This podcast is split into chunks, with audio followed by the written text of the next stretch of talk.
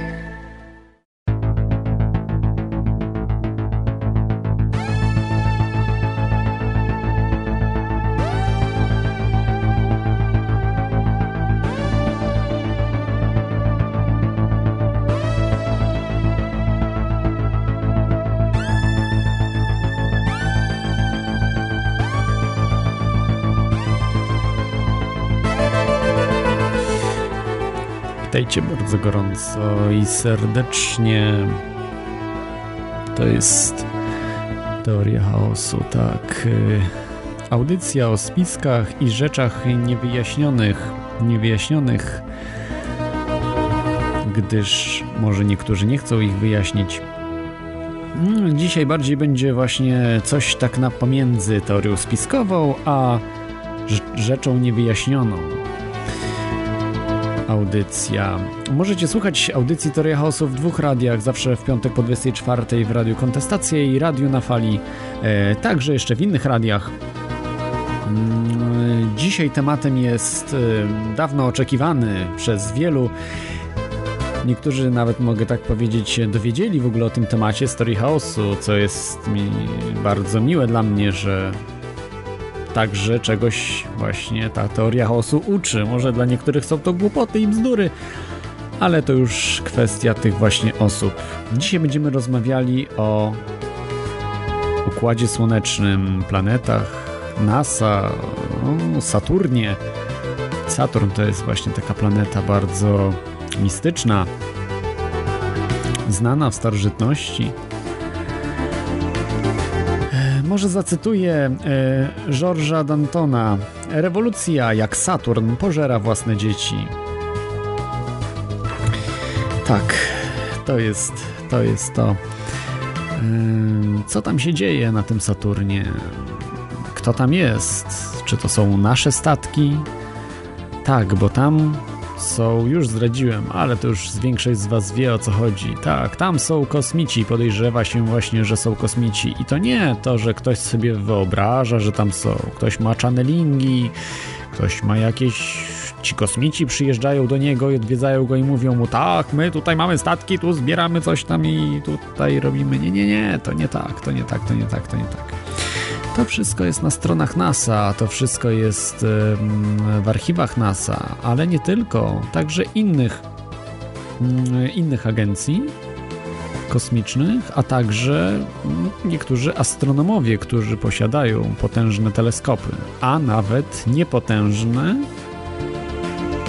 potrafią zobaczyć tego typu rzeczy, które tam się dzieją. Natomiast NASA posiada największe tego typu archiwum na świecie i już jest udowodnione, tak, już jest udowodnione, że nie mówi prawdy.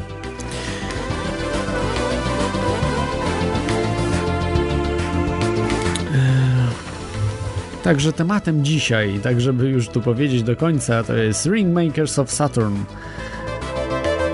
Twórcy tych pierścieni Saturna. Co tam się dzieje tuż przed pasem Kuipera do cholery? Tak, co tam się dzieje właśnie przed tym pasem? Pas Kuipera jest to pas za Neptunem. Eee, A przed tym pasem właśnie dzieje się dużo. Także nie tylko koło Saturna, bo to nie jest. Być może i tam koło Urana, Neptuna też dzieją się niesamowite rzeczy. Ym, Nie wiem, czy wiecie, że Jowisz, planeta Jowisz, tak, Jowisz ma także pierścienie. Oczywiście one są dużo słabiej widoczne. Zresztą, zresztą, zresztą chyba zostały odkryte, z tego co pamiętam, yy, przez sondy kosmiczne. Nie wiem, czy Voyagery, czy no, przez Voyagery. tak, ale zanim przejdę dalej do, do następnych części tutaj audycji, będę po kolei omawiał czym jest Saturn w ogóle, co i jak, różne szczegóły i ciekawostki, o których możecie nawet nie wiedzieć, to zapraszam do dzwonienia. Dzisiaj niestety znowuż mam tylko jeden telefon e, do Radia Kontestacja. Jest to radio, yy, przepraszam, jest to kontestacja.com albo telefon 222 195 321. Czyli jeszcze przypominam, plus 48 można dodać, e, jeśli, jeśli dzwonicie z zagranicy, czyli 222 195 321.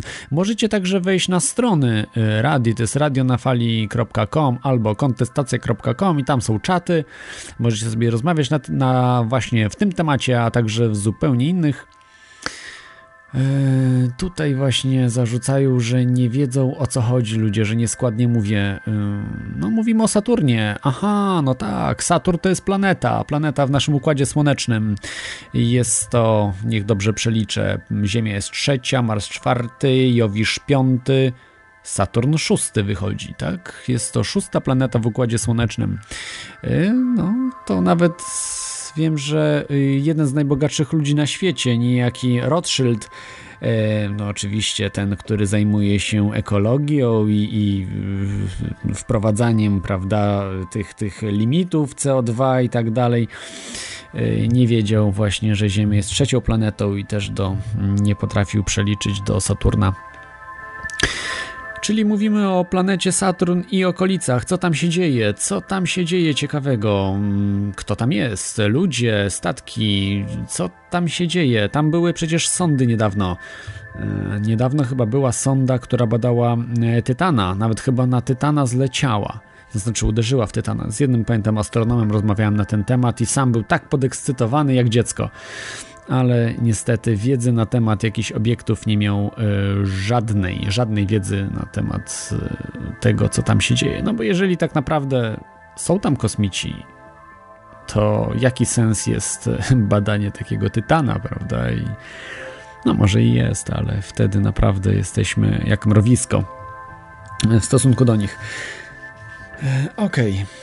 Czyli możecie jeszcze raz, przypominam, dzwonić 222 195 321 kontestacja.com. W przyszłości obiecuję, że będę miał już też dla Radia na Fali e, kontakt. W tym momencie mam troszeczkę słaby komputer. Jeszcze z Polski nadaje, tak, jeszcze z Polski, także, także sprzęt nie jest e, wypasiony, jakby mógł być, ale chyba dobrze słychać wszystko. Mm, okej, okay, no to chyba zaczynamy, bo nie, nie widzę, żeby ktoś dzwonił. Mm, tak, tak, nie widzę. Przeglądam tylko tak czata mm, z. Tak, Saturn szósta planeta, czyli się zgadza. Mm, tutaj pis, pisze Dorota już tak bardziej właśnie y, od starożytności. Y, mitologii, tak, pochodzi od mitologicznego boga Saturna, y, z rzymskiego boga Saturna, utożsamianym z greckim Kronosem, ojcem Zeusa, Zeus był utożsamiany w Rzymie z Jowiszem. On był chyba zajmował się, y, jeżeli z Kronosem, to o czas chyba chodzi, tak? Czyli coś tam z czasem. Saturn był jednym z ważniejszych chyba też bóstw w starożytnym e, Rzymie. E, były Saturnalia, o czym, o czym też wspominałem mm, wcześniej, zresztą teraz no, zalegam mieś, ponad miesiąc prawda, z audycjami w tej chwili, które możecie zobaczyć, więc e, tam była mowa, że Saturnalia się kończyły 23 grudnia, ale to jest nieważne tak naprawdę. No to chyba dobrze powiedziałem. A, Kronos, a tu Kronos przez CH, a tu przez K Kronos. Dobrze. Wszystko jedno. Zostawmy tych bogów, bo to są mitologie, mało istotne rzeczy. Dzisiaj przechodzimy do bardziej istotnych rzeczy. O Saturnie porozmawiamy troszkę. To żeby zacząć e, rozmowę o Saturnie i co tam się dzieje, bo też, też chciałbym jeszcze powiedzieć o innych e, rzeczach, które się dzieją tutaj w układzie, e, to co to jest ten Saturn, co to jest za planeta, bo mieszkamy na Ziemi, prawda? Ziemia nam się tak wydaje, nikt nie myśli w ogóle o kosmosie, każdy myśli tutaj o, o jakimś swoim skrawku Ziemi, o jakichś biznesach, o jakichś sprawach. Jeżeli popatrzymy na to wszystko z troszeczkę z większej oddali, tak jak wyobraźmy sobie, że jesteśmy kosmitą, która, który spogląda na Ziemię, no to to są po prostu śmieszne problemy. To jest tak wszystko śmieszne, że aż żenujące. No i tak to się może wydawać tym, którzy tam są. A może to Ziemianie są, może to my jesteśmy, może jakieś tajne technologie, może Rothschildowie tam są, a może Rockefellerowie. Mniejsza z tym. Saturn to jest gazowy olbrzym, szósta planeta Układu Słonecznego, jak już mówiłem, e, pod względem oddalenia od Słońca. Druga po, po Jowiszu pod względem masy i wielkości, czyli bardzo duża to jest planeta. Charakterystyczną jego cechą są pierścienie, o których sobie zaraz powiemy, właśnie Ringmakers, czyli twórcy pierścieni, tak? Składają się te pierścienie z lodu i w mniejszej e, części z odłamków skalnych. Właśnie inne planety olbrzymy, do których należy także właśnie Jowisz, e, Uran, Neptun też mają pierścienie, ale żadne z nich nie są aż tak rozległe ani jasne jak e, pierścienie Saturna. Mamy 62 naturalne satelity Saturna. Ziemia ma jednego. Promień Saturna jest 9 razy większy od promienia Ziemi. Promień Ziemi to jest chyba 11 tysięcy. Yy, promień, nie, nie średnica. Promień jest chyba 6000 czy 5600, coś takiego. Coś pi razy drzwi 6000 km, czyli yy, Saturna musi być powiedzmy tam 6000. No to yy, musi być 54, jeśli dobrze, dobrze liczę. 54 yy, tysiące kilometrów około. Jego gęstość 1 ósma średniej gęstości Ziemi, czyli jest bardzo rzadka to planeta ze względu, że to jest taka gazowo-cieczowa, mm, niby e, oficjalnie przyjęta e, planeta. I czyli po prostu mm, jego objętość jest, jest 95 y, razy większa niż masa Ziemi. Oczywiście to nie, policz, nie policzyłem tego w, w pamięci, tylko wziąłem sobie to ze strony internetowej. Y, tutaj jeszcze o pierścieniach, że mm, wyobraźcie sobie, że pierścienie, mm, średnica pierścieni Saturna wynosi ponad 250 tysięcy kilometrów. Czyli światło potrzebuje 45 sekund, jeśli dobrze liczę, y, osiągnięcie od jednego końca do drugiego. To jest odległość z Ziemi do Księżyca. Taka odległość właśnie, no trochę większa z Ziemi do Księżyca, ale powiedzmy zbliżona, prawda? Jak, jak, jaka jest wielkość y, pierścieni? Czy sobie wyobraźcie, widzicie Księżyc, to te pierścienie by sięgały aż do tego Księżyca naszego. Niesamowite, nie? A mają tylko, mhm, tylko albo aż 30 km grubości. Ale wyobraźcie sobie, co to jest 30 km grubości. Niezłe, nie? To jest tak jakbyście wzięli, no, tam gdzie mieszkacie i możecie do swojej babci dojechać. Jeżeli, no, oczywiście to nie jest zawsze tak, ale, ale może być, że to jest naprawdę odległość spora. Musicie jechać powiedzmy 30 mm, minut poświęcić na to, jeżeli byście się poruszali z prędkością 60 km na godzinę. Tak, tak, tak. Kolejna sprawa. Miejscami grubość tych pierścieni jest tylko 10 metrów. No to już nie jest, nie jest. E, można sobie już to wyobrazić z łatwością. I tutaj jest jeszcze ciekawostka. Co 14-15 lat pierścienie Saturna ustawiają się pod takim kątem, że przestają być widoczne z Ziemi.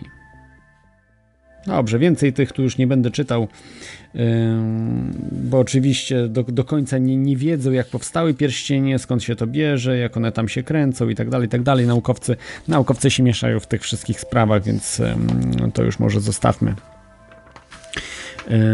te sprawy pierścieni.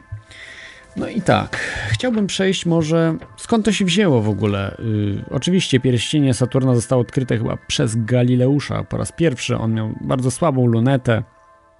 Yy, te, te, obserwacje nie były takie yy, ewidentne. Natomiast, natomiast on podejrzewał, że coś jest. Późniejsi oczywiście astronomowie y, potwierdzili, a bardziej, bardziej powiedzieli, bo on nie był pewny tego wszystkiego, co widzi.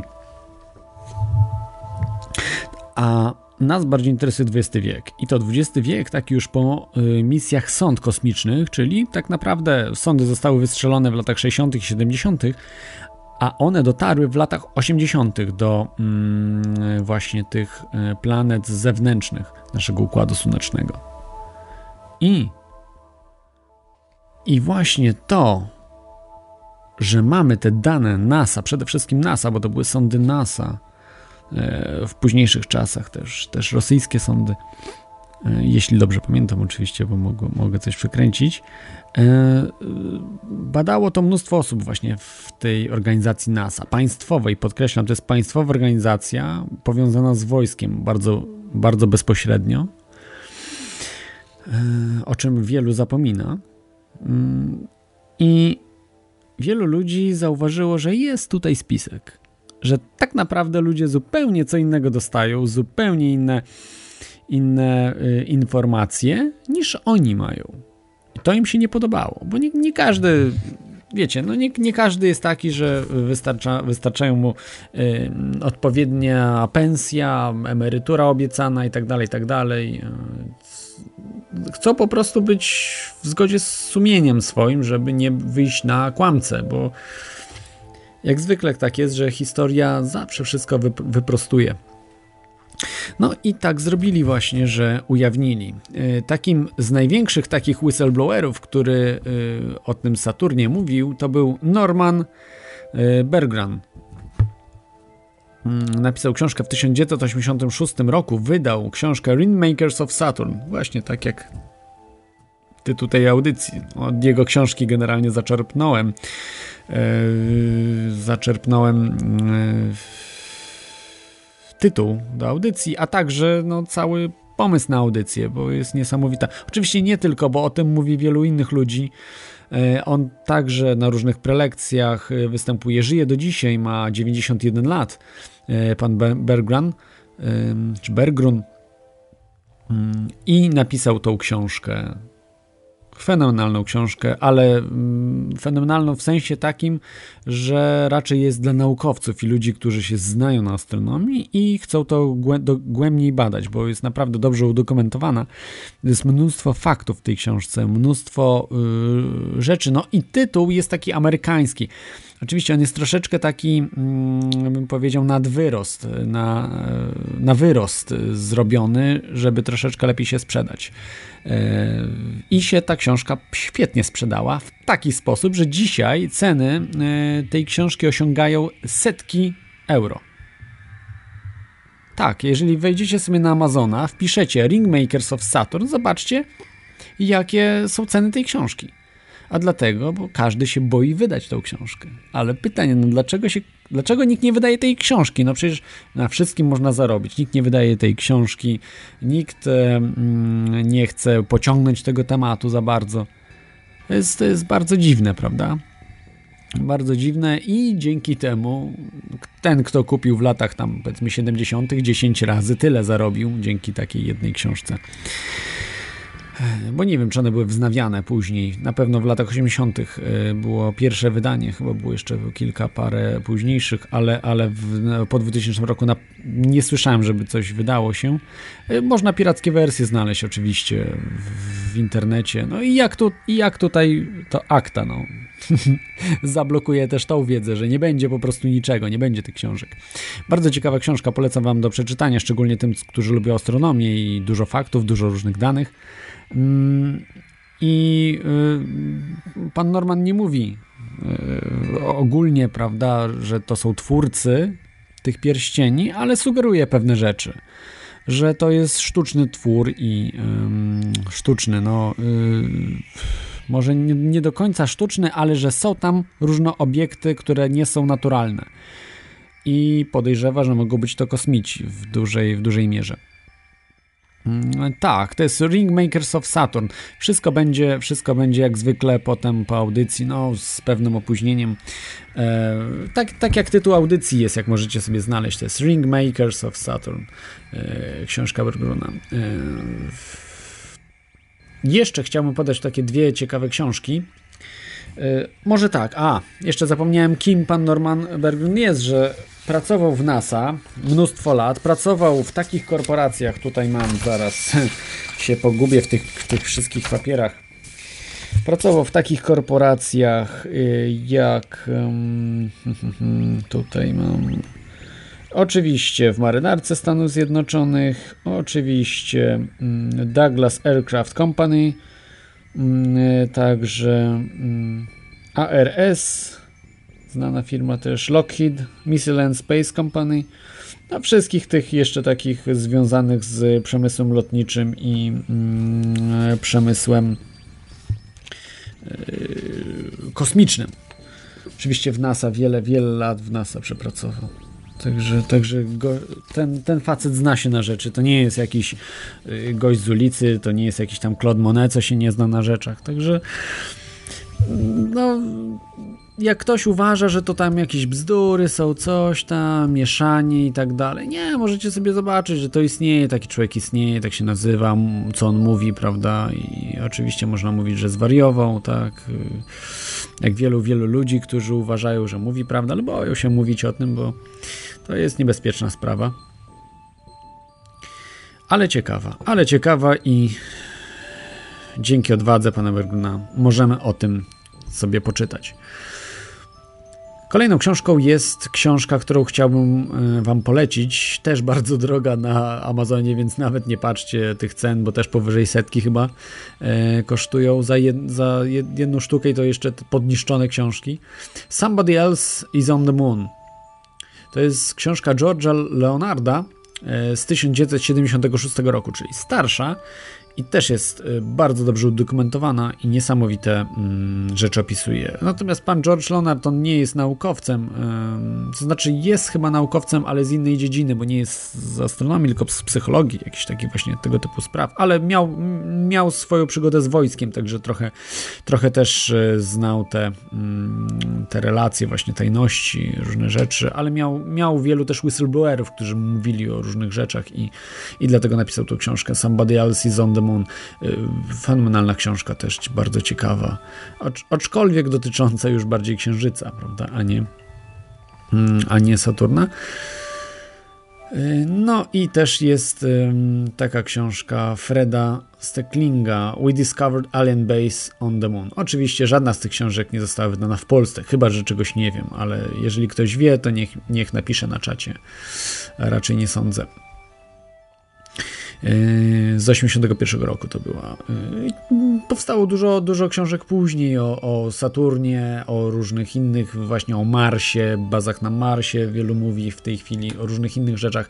Natomiast yy, mm, te książki są bardziej takie udokumentowane, troszeczkę ciekawsze, w sensie, że można sprawdzić te rzeczy, prawda? Natomiast jeżeli ktoś tam mówi, że był w bazie na Marsie, ale nie przedstawia żadnych dowodów, tylko to najwyżej pokazuje jakieś plakietki, że w tajnych służbach był i tak dalej, to troszeczkę za mało. Jednak potrzeba to, co, co ci panowie przedstawiał, dowody zdjęcia, e, dowody nau, nau, naukowców, e, różne, e, różne analizy, prawda, Te, tego typu rzeczy i, i to przedstawiają oni zdjęcia oficjalne, prawda, z NASA pochodzące, czasami nie, nieoficjalnymi kanałami z NASA wzięte i to można sobie właśnie zobaczyć, prawda, poczytać, posprawdzać. I to są tego typu właśnie yy, książki. Yy, jakie analizy yy, wykonali, to już musicie sobie poczytać tą książkę. Ja przyznam się, nie przeczytam ani jednej do końca, tylko po łebkach. Yy, tego jest po prostu mnóstwo. Mnóstwo jest tych wszystkich innych książek, ale tyle, co przeczytałem, są, są naprawdę ciekawe dla tych ludzi, którzy lubią fakty. Bo może one nie są, nie czyta się ich tak fajnie jak jakąś prozę, tylko że fajnie się czyta jak, e, jak typowe książki naukowe. E, jak chcecie, możecie dzwonić. Nie wiem, czy nie są jakieś e, kłopoty. Widzę, że ktoś dzwonił, ale to może ja zadzwonię w takim wypadku. Mam jakieś właśnie kłopoty straszne, że nie można dzwonić do mnie chyba tutaj. Z kontestacja.com 222 195 321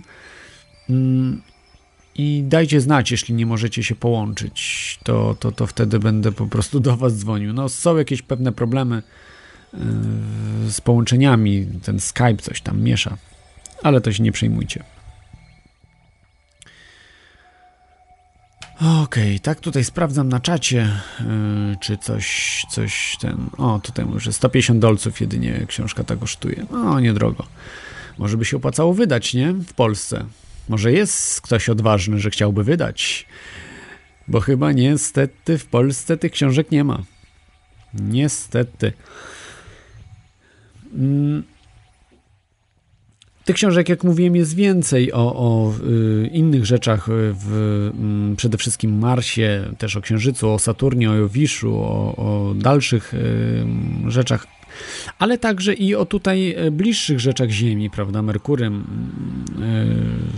Tam ostatnio, nie wiem czy wiecie, e, koło Merkurego też była pewna anomalia. Oczywiście to tam się film źle nagrał, coś tam, niby to na żywo było, NASA się tłumaczyło, ale wszyscy naukowcy, którzy mają web, wiedzą o co chodzi, doskonale wiedzą, że to był no dobra, no może nie mówię, że był statek kosmiczny, ale niektórzy podejrzewają, że był.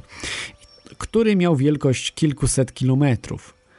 Um, chyba nawet około tysiąca czy coś, no bliżej tysiąca chyba niż, niż, niż 100 kilometrów. Także niesamowitej wielkości obiekt koło Merkurego i to ostatnio mo mogliście sobie zobaczyć. Chyba w, w, z tego co pamiętam albo grudzień to był, albo styczeń. Ale chyba jeszcze to było w grudniu. Wszystko jedno. Wracamy do Saturna. Co tam takiego tak naprawdę jest na, e, na tym Saturnie? Jak wejdziecie Zawsze zapominam mówi, powiedzieć o mojej stronie internetowej, czy mojej no, audycji e, teoriahosu.com.pl i tam jest co nowego, jest taka zakładka co nowego i tam macie linka. A może ja sobie wezmę na czata, wam wkleję od razu. E, właśnie w tym, w tym linku co nowego jest informacja o tym, że NASA fałszuje zdjęcia przyznali się do tego, bo potem było omówienie, była afera, y, zresztą mówiłem też już we wcześniejszych, y, we wcześniejszych audycjach o tym. Y, właśnie teraz czekam, aż mi się tutaj załaduje i jest, tak, wrzucam wam tutaj na, mm, na czata, bo ludzie są leniwi i nie wejdą i tak na tą stronę audycji, więc, więc wrzucam i możecie sobie zobaczyć, że NASA fałszuje zdjęcia, tak, ale co tam są za obiekty, jak oni fałszują to, to, to nie są obiekty wielkości tam kilometra, 10, 100 kilometrów, to są powyżej 1000 kilometrów obiekty. I to nie są jakieś, nie wiem, błędy w, w transmisji danych, coś tam, jakieś, jakieś bajerki. To ewidentne po prostu retuszowanie, retuszowanie, to, to jest oczywiście NASA mówi, że to bra, brushing, że to retuszuje, to nie jest retuszowanie, to jest fałszerstwo, robią fałszerstwa, zresztą mają, y, tutaj wam przeczytam, E, nijaka, no da, zaraz do niej przejdę, ale to jest w budynku ósmym yy, fałszuje się. Jest wielki cały budynek, który się zajmuje tylko i wyłącznie fałszowaniem zdjęć i, i robieniem sobie yy, jakichś różnych tam żartów ze spo, społeczności międzynarodowej. Niestety tak to wygląda wszystko. Ale się tym nikt, nikt nie przejmuje, prawda? To to potrzeba, bo, bo przecież źle będzie wyglądało zdjęcie, bo, bo przecież ludzie mogą sobie coś pomyśleć. No jak to, to pomyśleć, no, że, że, że coś ten, więc musi być wszystko tak podane, żeby było dobrze. Żeby nikt nie stwierdził, że coś moglibyśmy ukrywać. No i niestety nie wyszło. Nie wyszło, używali Painta czy jakiś program prostszy zamiast Photoshopa i wyszła niestety afera którą możecie sobie podziwiać na czacie. Tak, tak, tak, tak. Tu już, dlatego tu już nie ma, nie ma dyskusji, prawda? Retuszują zdjęcia, retuszują. I teraz tylko kwestia, co to są za obiekty. A NASA nie komentuje tego, co za obiekty.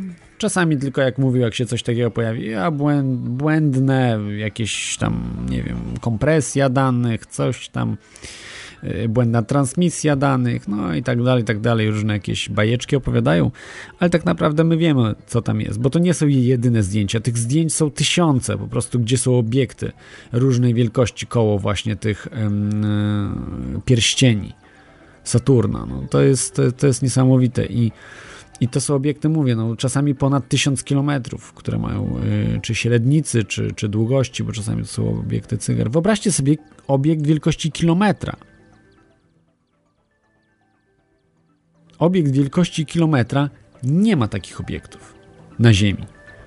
Żeby miał wielkość, znaczy nie mówię o blokach, bo zdarzają się, ale o takich, które jeżdżą, latają, nie ma. Mamy pierwszego y, słuchacza z Kubany, dzwoni. Mm, tak, witam Cię, Klot. Witaj. E, nie wiem, czy wiesz, ale NASA udostępniła ostatnio, dokładnie 3 lutego, zdjęcia, na których widać tak zwaną ciemną stronę Księżyca, sfilmowaną od północnego do południowego bieguna. I czy uważasz, że te zdjęcia też są e, wyretuszowane przez NASA? Na 100%. Oni nie, nie podają, w tej chwili nie podają żadnych zdjęć, żadnych filmów, nic, jeśli nie jest wyretuszowane. Po to mają ten cały budynek ósmy to, to już oni się przyznali, co nie przyznali, oczywiście nie przyznają się do wszystkich, tylko w tym wypadku akurat się przyznali, prawda, że tu już, bo to z, z oficjalnych stron NASA te zdjęcia były wzięte i to wykryli sami internauci, prawda, że to zostało y, wyretuszowane, NASA się przyznało, więc, więc to jest na 100%. Y, dlaczego tak mówię? Bo jest taka, są whistleblowerzy, bo można by faktycznie tam przypadkiem coś tam, okej, okay. jest niejaka Donna, ha Donna E, która spędziła większość swojego życia na pracy dla NASA. To znaczy 15 lat pracowała, ponad 15 lat pracowała dla NASA i w tym budynku 8 retuszowała zdjęcia. Ona jest grafikiem z wykształcenia, nie ma żadnego pojęcia astronomii i tak dalej o tych rzeczach. Ona jest grafikiem z wykształcenia i miała jedno zadanie retuszować zdjęcia i mówiła właśnie o tym, co widziała. Nie, nie wszystko jej pozwalano retuszować oczywiście, bo niektóre były dla bardziej zaawansowanych ludzi, natomiast ona widziała wielokrotnie UFO, obiekty. I ona mówiła, że to, co dostaje pu publika, to jest po prostu wielkie oszustwo, nie? To, to dostają rzeczy wyretuszowane kompletnie, oszukane, nie? Wyczyszczone z jakichś różnych obiektów, z różnych rzeczy, które, których nie powinno być. To jest coś takiego, no... Mm, jak robienie filmu animowanego dla dzieci, prawda? E, w stosunku do filmu, który kręcimy y, na zewnątrz. Albo kręcimy jakiś film na zewnątrz, i robimy tak, że na przykład musimy usunąć. To tak chyba hitlerowcy kręcili zawsze. Kręcili film i zawsze usuwali różne elementy, dogrywali różne elementy i tak dalej, i tak dalej. Czy tam y, komuniści. Wszystkie, wszystkie y, kraje, które, y, które były totalitarne właśnie posługiwały się tego typu propagandą, prawda? No i tutaj to jest, to jest niemal, to niemal pewne. No jest pewne, bo też Joe, Jose Camila udowodnił właśnie też te retuszowania, w, jeśli chodzi o księżyc i tak dalej. No właśnie, jeśli chodzi o tego Jose Camille, e, widziałeś go pewnie e, film dokumentalny o tym, że księżyc wcale nie jest biało-czarny, tak jak przedstawia to NASA na swoich zdjęciach, tylko że jest po prostu kolorowy. Czy ty się z tym zgadzasz? Yy, nie wiem, nie wiem, za mało się na tym znam. Natomiast on też nie mówi wprost, że jest nie wiadomo, on podejrzewa, sugeruje coś, że, że są retuszowane w sensie takim. Po prostu jest taki problem z księżycem, że jeżeli jest takie albedo, tak, jest, odbija światło bardzo jasne, to nie widzimy kolorów tego, po prostu świeci, prawda? Jest, y, no, tak. no, taka zasada jest, no nie wiem, nie znam się na tym, ale coś, coś podobno tak, tak jest. I on oczywiście nie ma kolorów jak na Ziemi, tej zieleni całej, prawda, tego wszystkiego, ale nie jest czarno-biały. No nie jest czarno-biały, to jest po prostu mit. No i... Yy podejrzewa się, że może mieć atmosferę, że woda tam może być i tak dalej. No takie różne rzeczy, które zaprzeczają temu wszystkiemu, o czym, o czym się mówi dzisiaj, prawda? No i nie jesteśmy w stanie sprawić, musimy tam wysłać sądy, prawda, własne.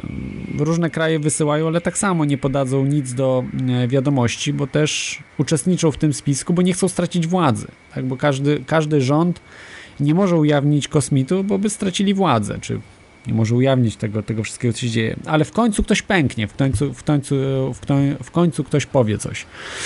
I, I, na razie wszyscy czekają na Stany. Stany nic nie będą mówili, więc w końcu ktoś zacznie coś mówić. Może Chińczycy, może, może Indie, e, bo te kraje wysyłały też sądy e, na Księżyc. Znaczy, no, żeby no, orbitować, prawda? Te, te, te sądy tak, tak. orbitowały, prawda?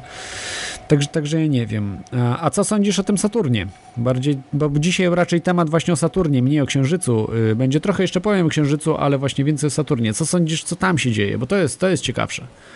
Wiesz co, o Saturnie właściwie to zaskoczyłeś mnie z tym, bo e, wcześniej o tym nie słyszałem, dopiero się dowiedziałem o tym na twojej audycji. Wcześniej raczej się Księżycem interesowałem, o Saturnie to e, taka ciekawostka jest dla mnie i właśnie z ciekawością słucham tej audycji, e, co ciekawego się na ten temat dowiem. Także jestem ciekaw, e, co powiesz dalej na ten temat. O, o Saturnie, tak? No, Tak, tak, o Saturnie. Wiele, wiele wiesz, no wiele więcej już y, nie, nie wiadomo, prawda? Wiadomo to, że są te obiekty, są one coś, coś robią tam, prawda? Nie są na, na bez sensu.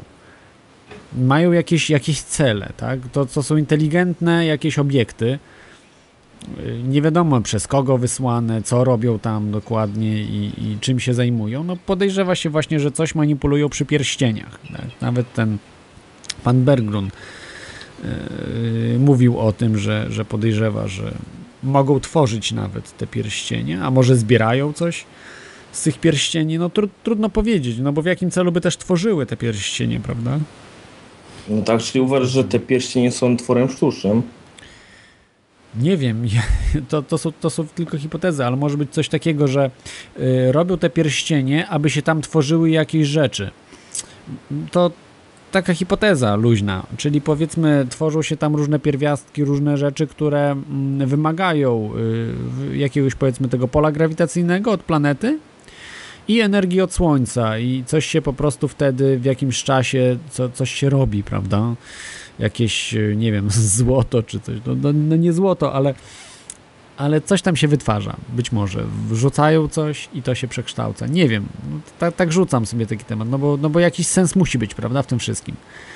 Więc y, tutaj oczywiście odrzucamy to- to- te nauki NASA, co tam się dzieje, no bo, bo trzeba dalej sięgać, prawda? Jeżeli są tego typu rzeczy, są zdjęcia, są filmy, które to potwier- potwierdzają, no to, to trzeba jakoś dalej wysuwać różne, e, różne hipotezy. Znaczy tak, wiesz, są zdjęcia, są filmy, ale tak samo jak e, sam powiedziałeś, są retuszowane w głównej e, większości. no nieumiejętnie retuszowane, bo nie da się, wiesz, jeżeli nawet w, w, w to, to zdjęcie było ukryte, że normalnie nie widać było wyretuszowania, ale jak się po prostu wzięło pewne filtry, to było od razu wyszło szydło z work, tak?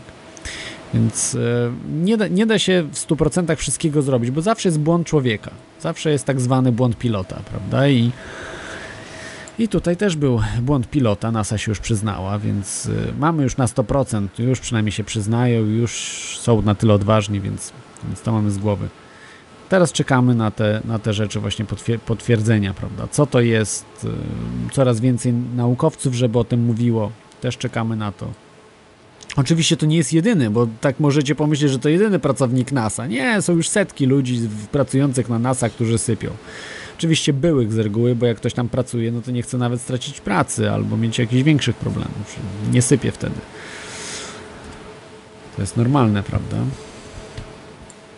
No, tak, no to, to tyle ode mnie, ja przychodzę na odsłuch. Dziękuję, pozdrawiam. Dobrze, dzięki, dzięki za ten telefon. Cześć. Cześć. O, także mogliście słyszeć, że słuchacz się dowiedział właśnie teraz o tych em, obiektach, statkach, no nie wiadomo czym, co tam się dzieje właśnie koło Saturna. I czy oni mogą być twórcami właśnie tych pierścieni, Ringmakers of Saturn? E, To jest bardzo ciekawe.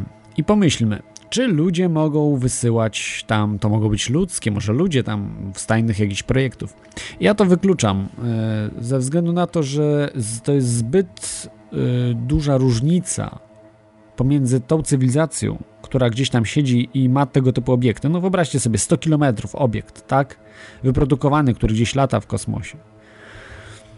A naszą cywilizacją, gdzie y, problemem jest wyprodukowanie lotniskowca, który ma 500 metrów, bo chyba nie ma takiego, tylko największe mają chyba 350 metrów lotniskowce które w ogóle nawet nie potrafią się wznieść na milimetr. One po prostu pływają po wodzie. Gdyby nie było wody, one by po prostu stały i nic nie robiły.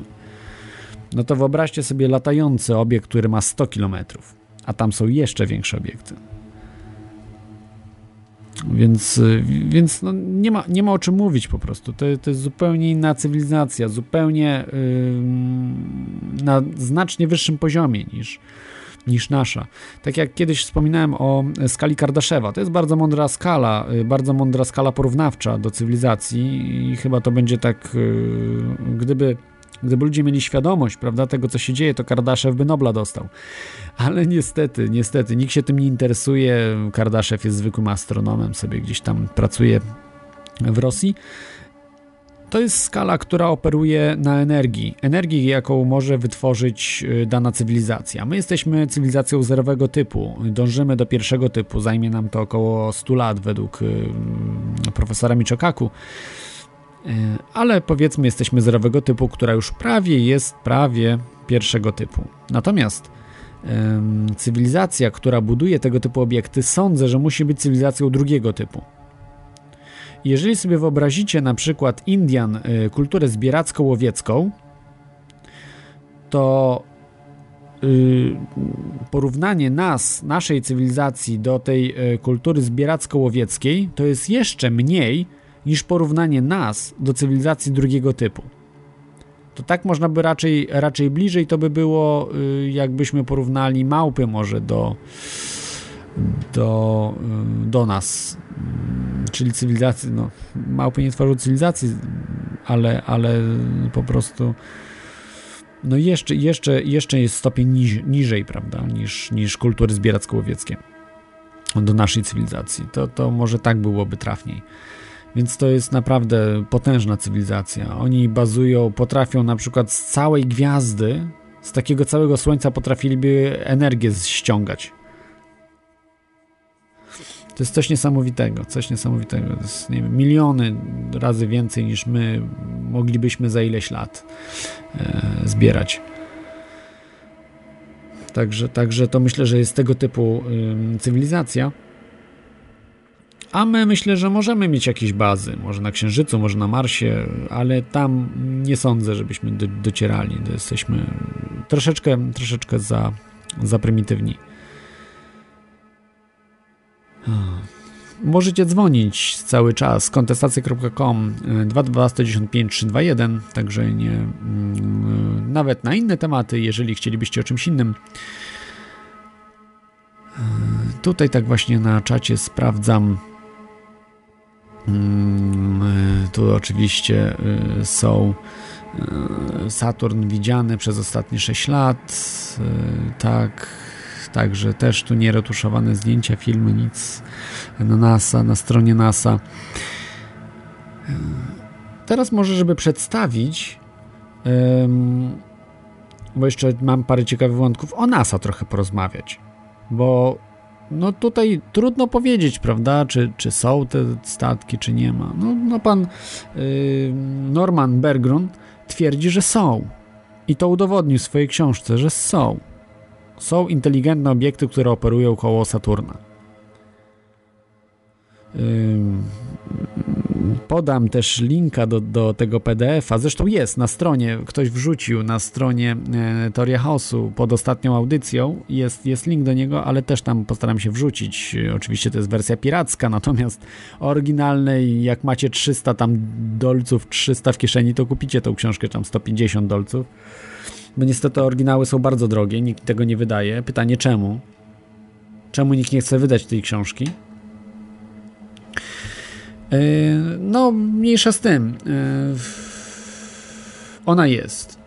I teraz wracamy do NASA, tak? NASA jest to um, Never Straight Answer, tak? Czy, czy Never. Jak to tam było? Never is no mniejsza z tym, nie pamiętam jak ten skrót się rozwijało, że nigdy nie udzielaj takich e, e, odpowiedzi wprost, czy, czy mm, nie ma takiej agencji, jakoś tak, takie te skróty były. No tak, NASA, NASA, NASA, NASA to jest państwowa agencja, państwowa, w pełni kontrolowana nie tylko przez rząd, ale i przez wojsko.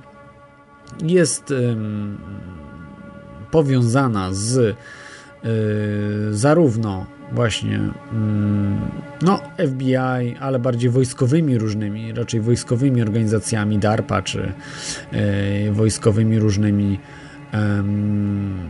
no w samym wojsku jest mnóstwo różny, różnych agent, e, a także, co jest bardzo istotne, z NSA, NSA, NSA de facto, z National Security Agency.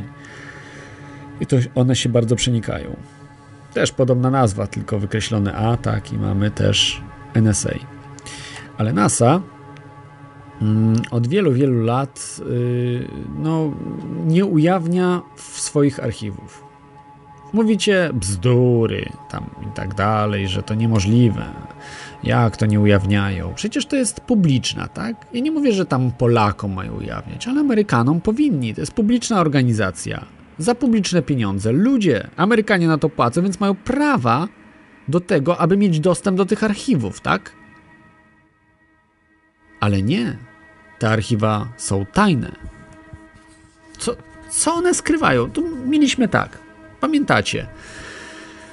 W 1969 roku, 20 lipca, co nastąpiło? Było lądowanie na Księżycu po raz pierwszy w historii człowiek wylądował na Księżycu. Było oczywiście wcześniej, bo tak naprawdę Rosjanie byli pierwsi. Pierwszy obiekt ziemski, który uderzył, sztucznie wyprodukowany w Księżyc, to był radziecki. Oczywiście, być może były starsze cywilizacje ludzkie, to już nie mówię, ale o tej naszej aktualnej. To tak naprawdę Rosjanie pierwsi uderzyli w Księżyc. Ale tutaj ważniejsze są to, co Amerykanie dokonali na Księżycu. Ja wiem, że niektórzy twierdzą, że nie, nie wylądowali tak dalej. Na razie to, to wszystko zostawmy. To będzie kiedy indziej. Będziemy omawiali dokładnie księżyc. Na, na razie dzisiaj chciałem się skupić na NASA i o tym, co się dzieje. Co oni robią po prostu. Co oni robią. I mamy tak.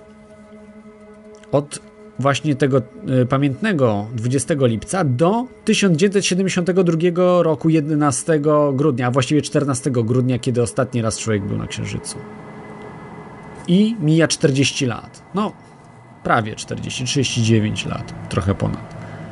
I nic.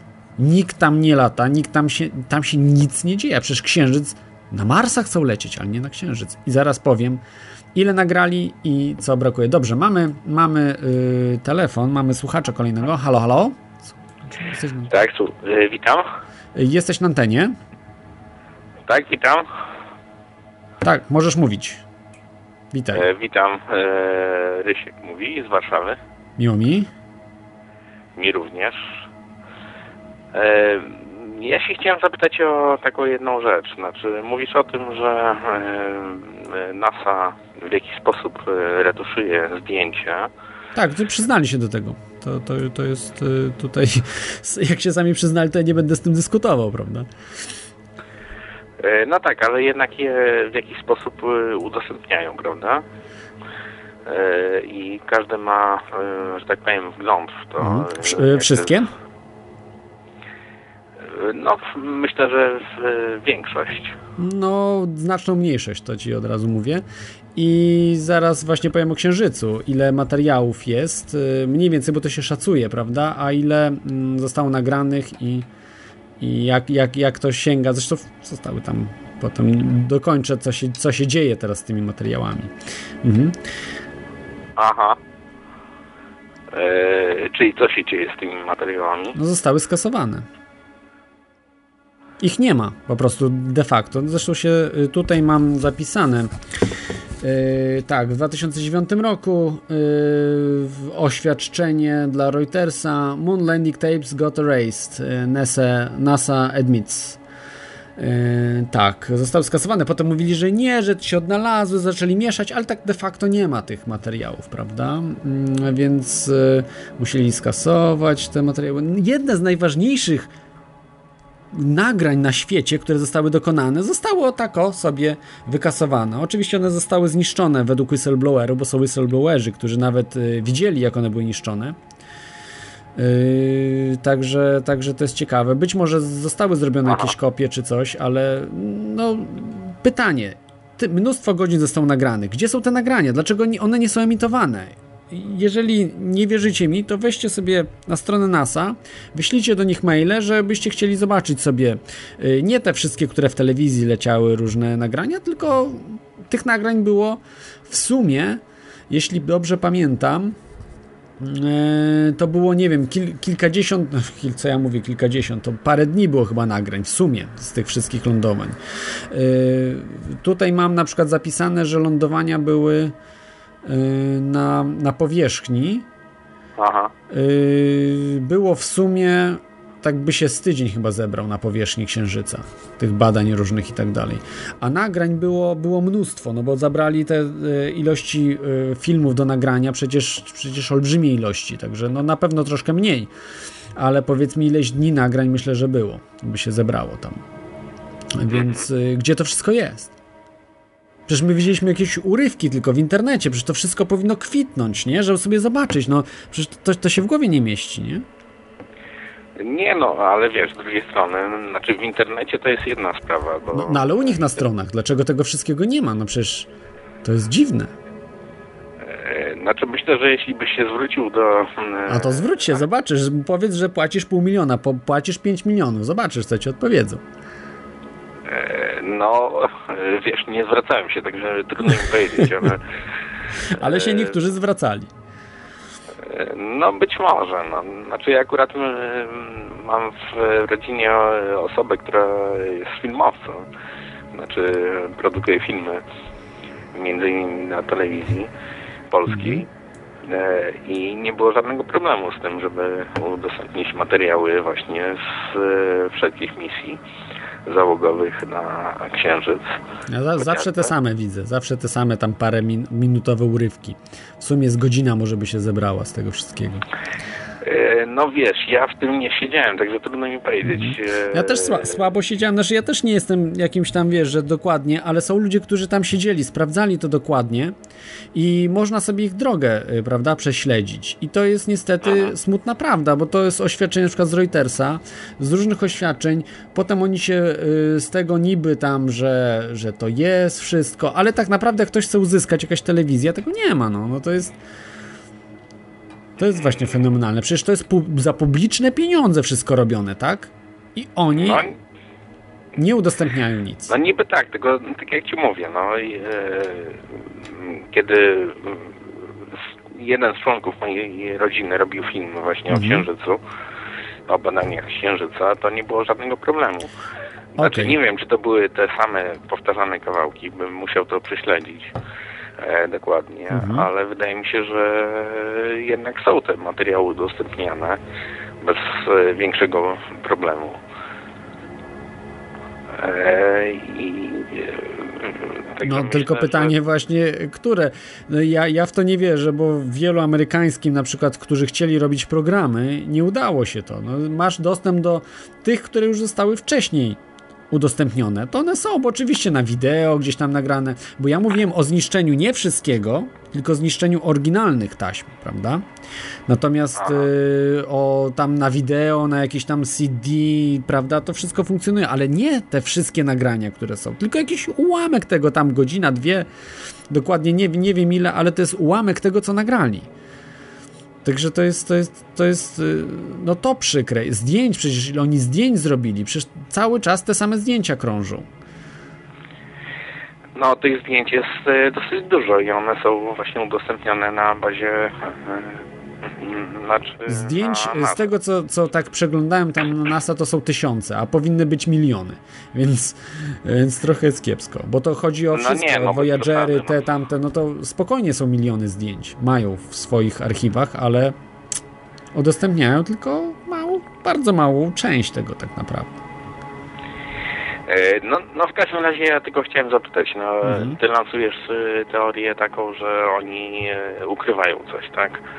E, że coś tam jest być może na Księżycu, a być może i na Marsie, jeśli dobrze rozumiem. No, w dzisiejszej audycji raczej właśnie mówię o Saturnie. To jest e, ciekawe, bo do tego się przyznali. Tu retuszujemy, jest pokazane Dione, jest pokazane Tytan. I tam, e, tam linki rzuciłem, prawda? Zresztą też na stronie właśnie teoriachaosu.pl jest co nowego, właśnie jest tam link do tego, jak, jak oni fałszują te zdjęcia. E, I jest tam tak chamsko po prostu wykasowany jakiś świecący obiekt, który tam jest, obok. y, bardzo duży. To nie jest e, obiekt wielkości 10, 50 czy 100 kilometrów, prawda? Tylko jeszcze więcej. Mhm. No i to po prostu zadajmy pytania, co to Znaczy- jest, co tam się znaczy dzieje. myślisz, że to y, wszelkim e, astronomom i tak dalej, obserwatorom tego, co się dzieje, to tak e, po prostu sobie umknęło, że jakiś wielki obiekt e, porusza się gdzieś tam e, w pobliżu mm, no tak naprawdę Ziemi, tak? No, w pobliżu Saturna. Saturna, tak, tak. Um, oczywiście, że umyka, bo musisz mieć bardzo dobrą aparaturę do tego, żeby zobaczyć. To akurat było zrobione zdjęcie z e, sond, które zostały wysłane w okolice e, Saturna, więc, więc to, to nie, nie wystarczy ci nawet duży bardzo e, teleskop, bo po pierwsze ten teleskop musi być w tym miejscu w danym czasie e, ustawiony, to nie, nie jest takie proste, prawda, żeby to też y, uzyskać tam ym, w, tych, w tych obiektach. Prawdopodobnie też te obiekty się potrafią maskować, tak jak widzieliśmy koło Merkurego, co się działo, że jak był wyrzut y, koronalny ze Słońca, te, I ten wyrzut po prostu tak jakby oblał taki jakiś obiekt dziwny, y, taki, wielk, taki bardzo, bardzo duże cygaro. To można było obserwować właśnie w grudniu. Y, Oczywiście powiedzieli, że to błędy jakieś tam y, kompresji filmu, coś tam, ale to ewidentne. No dla mnie jako laika, no takie tłumaczenie to jest po prostu śmieszne, bo to ewidentnie widać, że coś po prostu opływa, że coś wtedy traci swoją maskowanie. Można zobaczyć jest na YouTube y, te filmy oryginalnie z NASA, bo akurat to na żywo leciało i nie mogli zafałszować tego. Nie, no jasne. E, Nie, no dobra, to ja już nie będę zabierać e, czasu, bo pewnie ktoś tam jeszcze e, chce zabrać głos. Mhm. Jak mógłbyś mi maila wysłać do tego, ja bym z chęcią właśnie jak będę o Księżycu, to bym z tym właśnie z, mm, z czy swojej rodziny, tak, Mhm. czy znajomym, e, który, który robił filmy dotyczące Księżyca, Tak. bym chciał się skontaktować, prawda, jak on miał tam dostęp i tak dalej, co, co on tam widział. E, Bardzo bym E, wdzięczny. Dobrze, no w każdym razie ja tylko powiem, że tak e, no sceptycznie podchodzę do tego, co, co do tych obiektów tam Mhm. na, w pobliżu Saturna, dlatego że mi się wydaje, że jednak no, mamy dosyć potężną aparaturę na ziemską, że tak powiem, znaczy tysiące albo nawet dziesiątki tysięcy ludzi, którzy tym się zajmują. A tymczasem wypływa jakaś taka jedna wiadomość, która Nie, to nie o... jest jedna. Ty, tych jest naprawdę mnóstwo. To nie jest jedno zdjęcie. Tych zdjęć jest całe mnóstwo.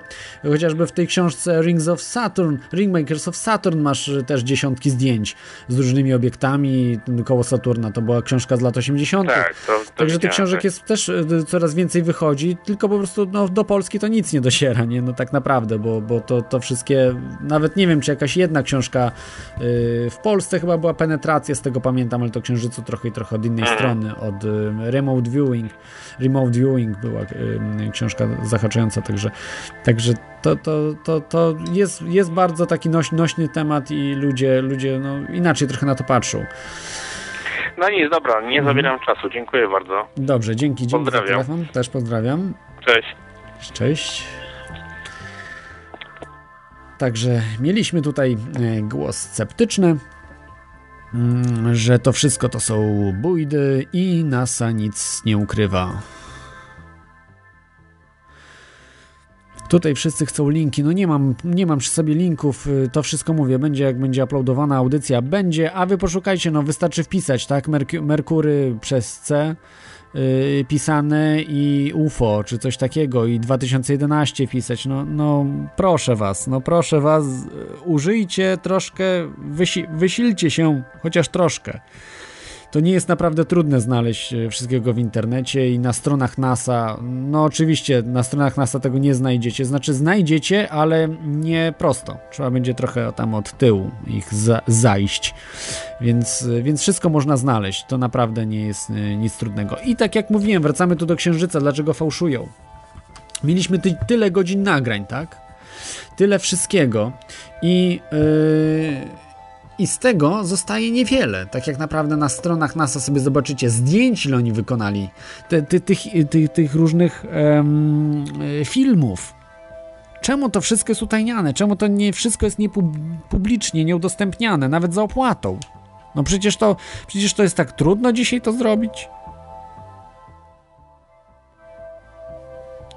No, może społeczeństwo amerykańskie uważają, że jest za głupie, że po co tam mają się tam jakieś oglądać filmy. Wiedzą, tu jest, o już, Saturn, wiedzą jak wygląda, to wszystko wiedzą, tu wiedzą jak e, księżyc wygląda. Po co im jakaś wiedza na ten temat większa? Po, po co im te filmy?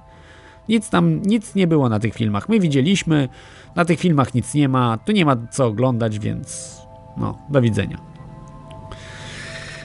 O.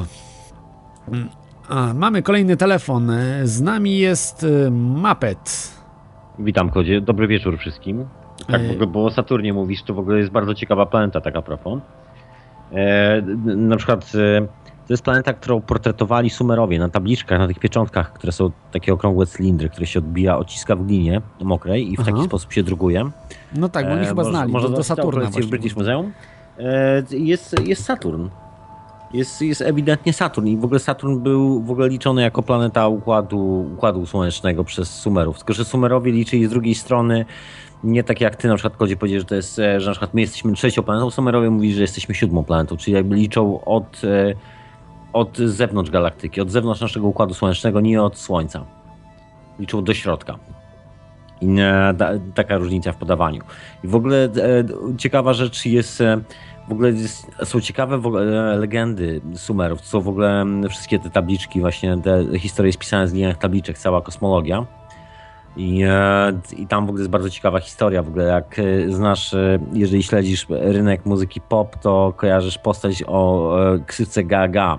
Gaga tak naprawdę jest to, jest to zapożyczenie z, z mitologii sumeryjskiej, bo jest to w ogóle postać, je- jest to jak, jest to w ogóle postać po, posłannika, który przyniósł wiadomość, że planeta zostanie zniszczona.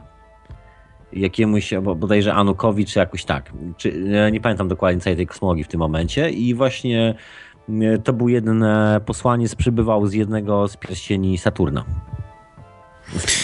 No, ciekawe, ciekawe. To jest, e, to, to jest w ogóle taka ciekawostka. Ale za, zaraz, bo przecież. Sumerowie nie znali pierścieni.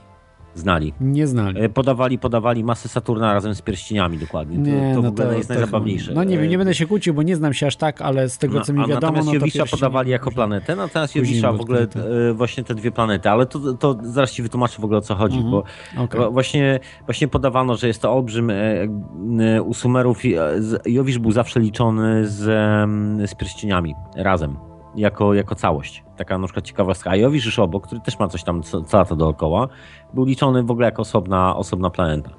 I w ogóle to jest, e, jest ciekawa rzecz, w ogóle jest długa tradycja, jakby to zostało troszeczkę w takiej, jak się mówi, hermetycznej tradycji alchemicznej zachowane w Europie.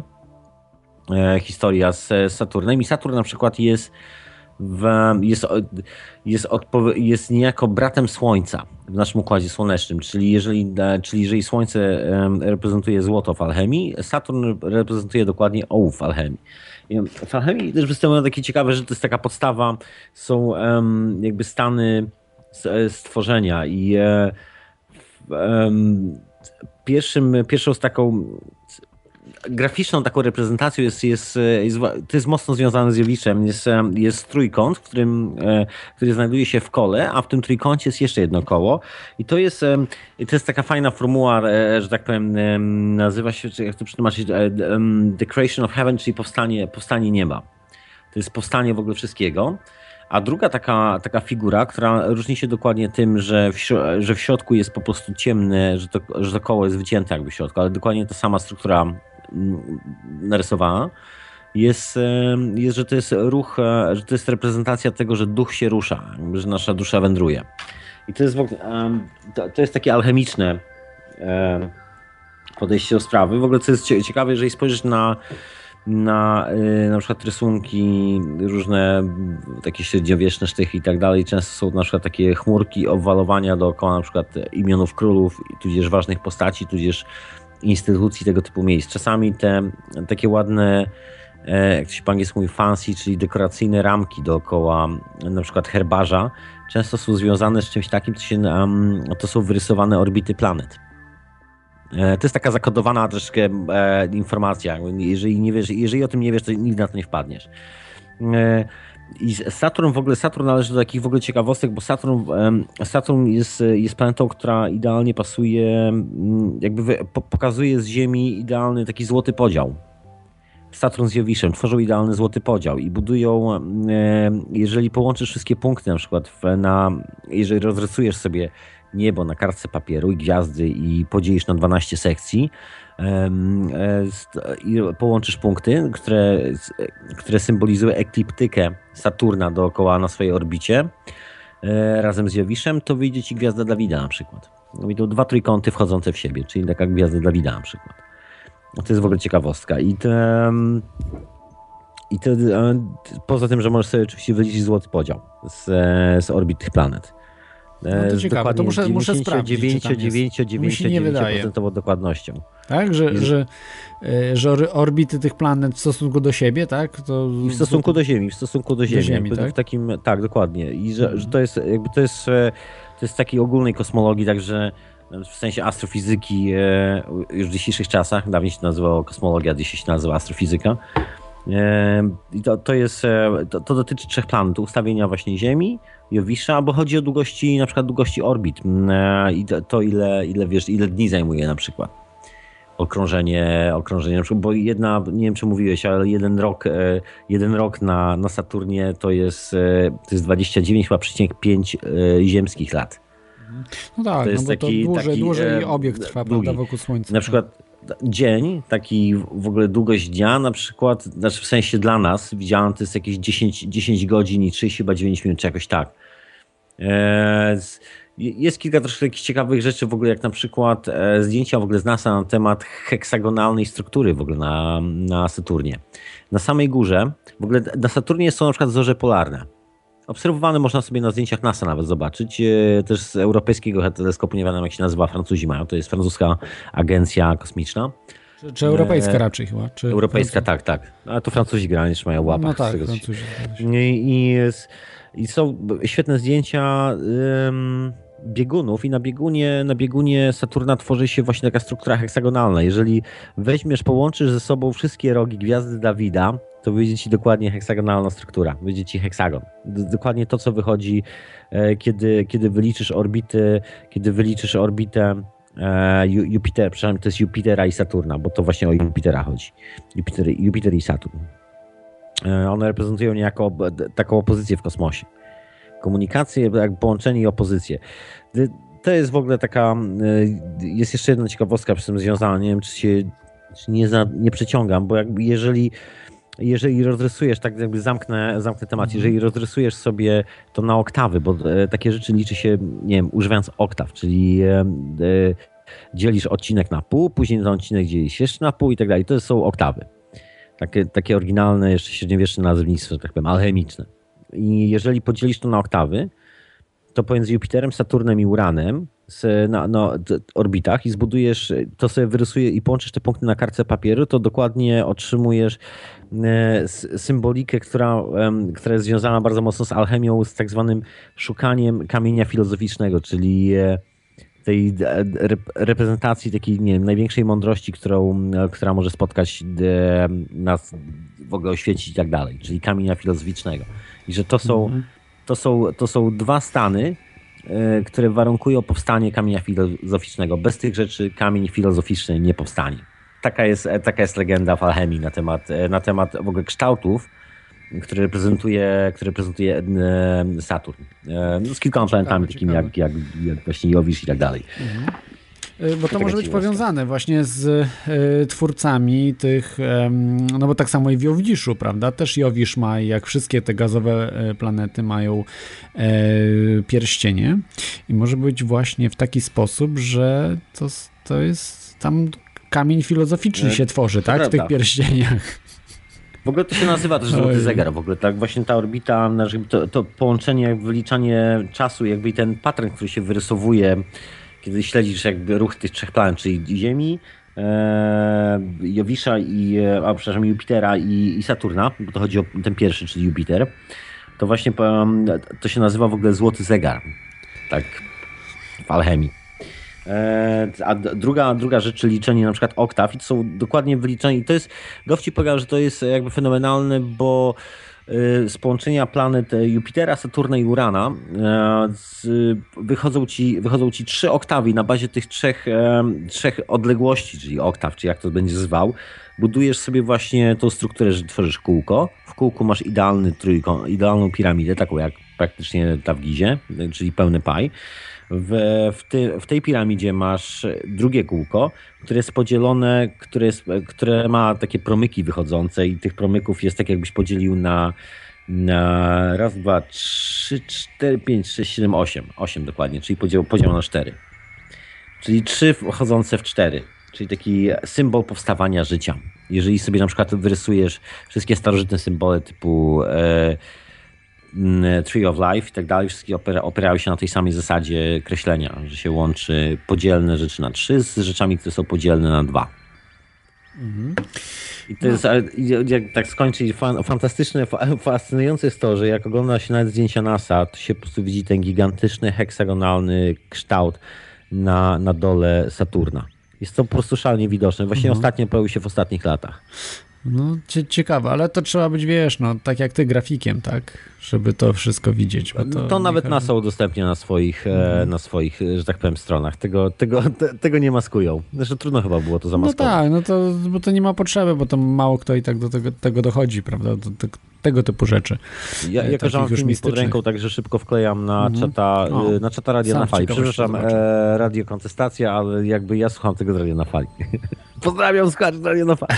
Też. Okej, dobra, to wkleję je, zaraz też sobie uruchomię. E, dobra.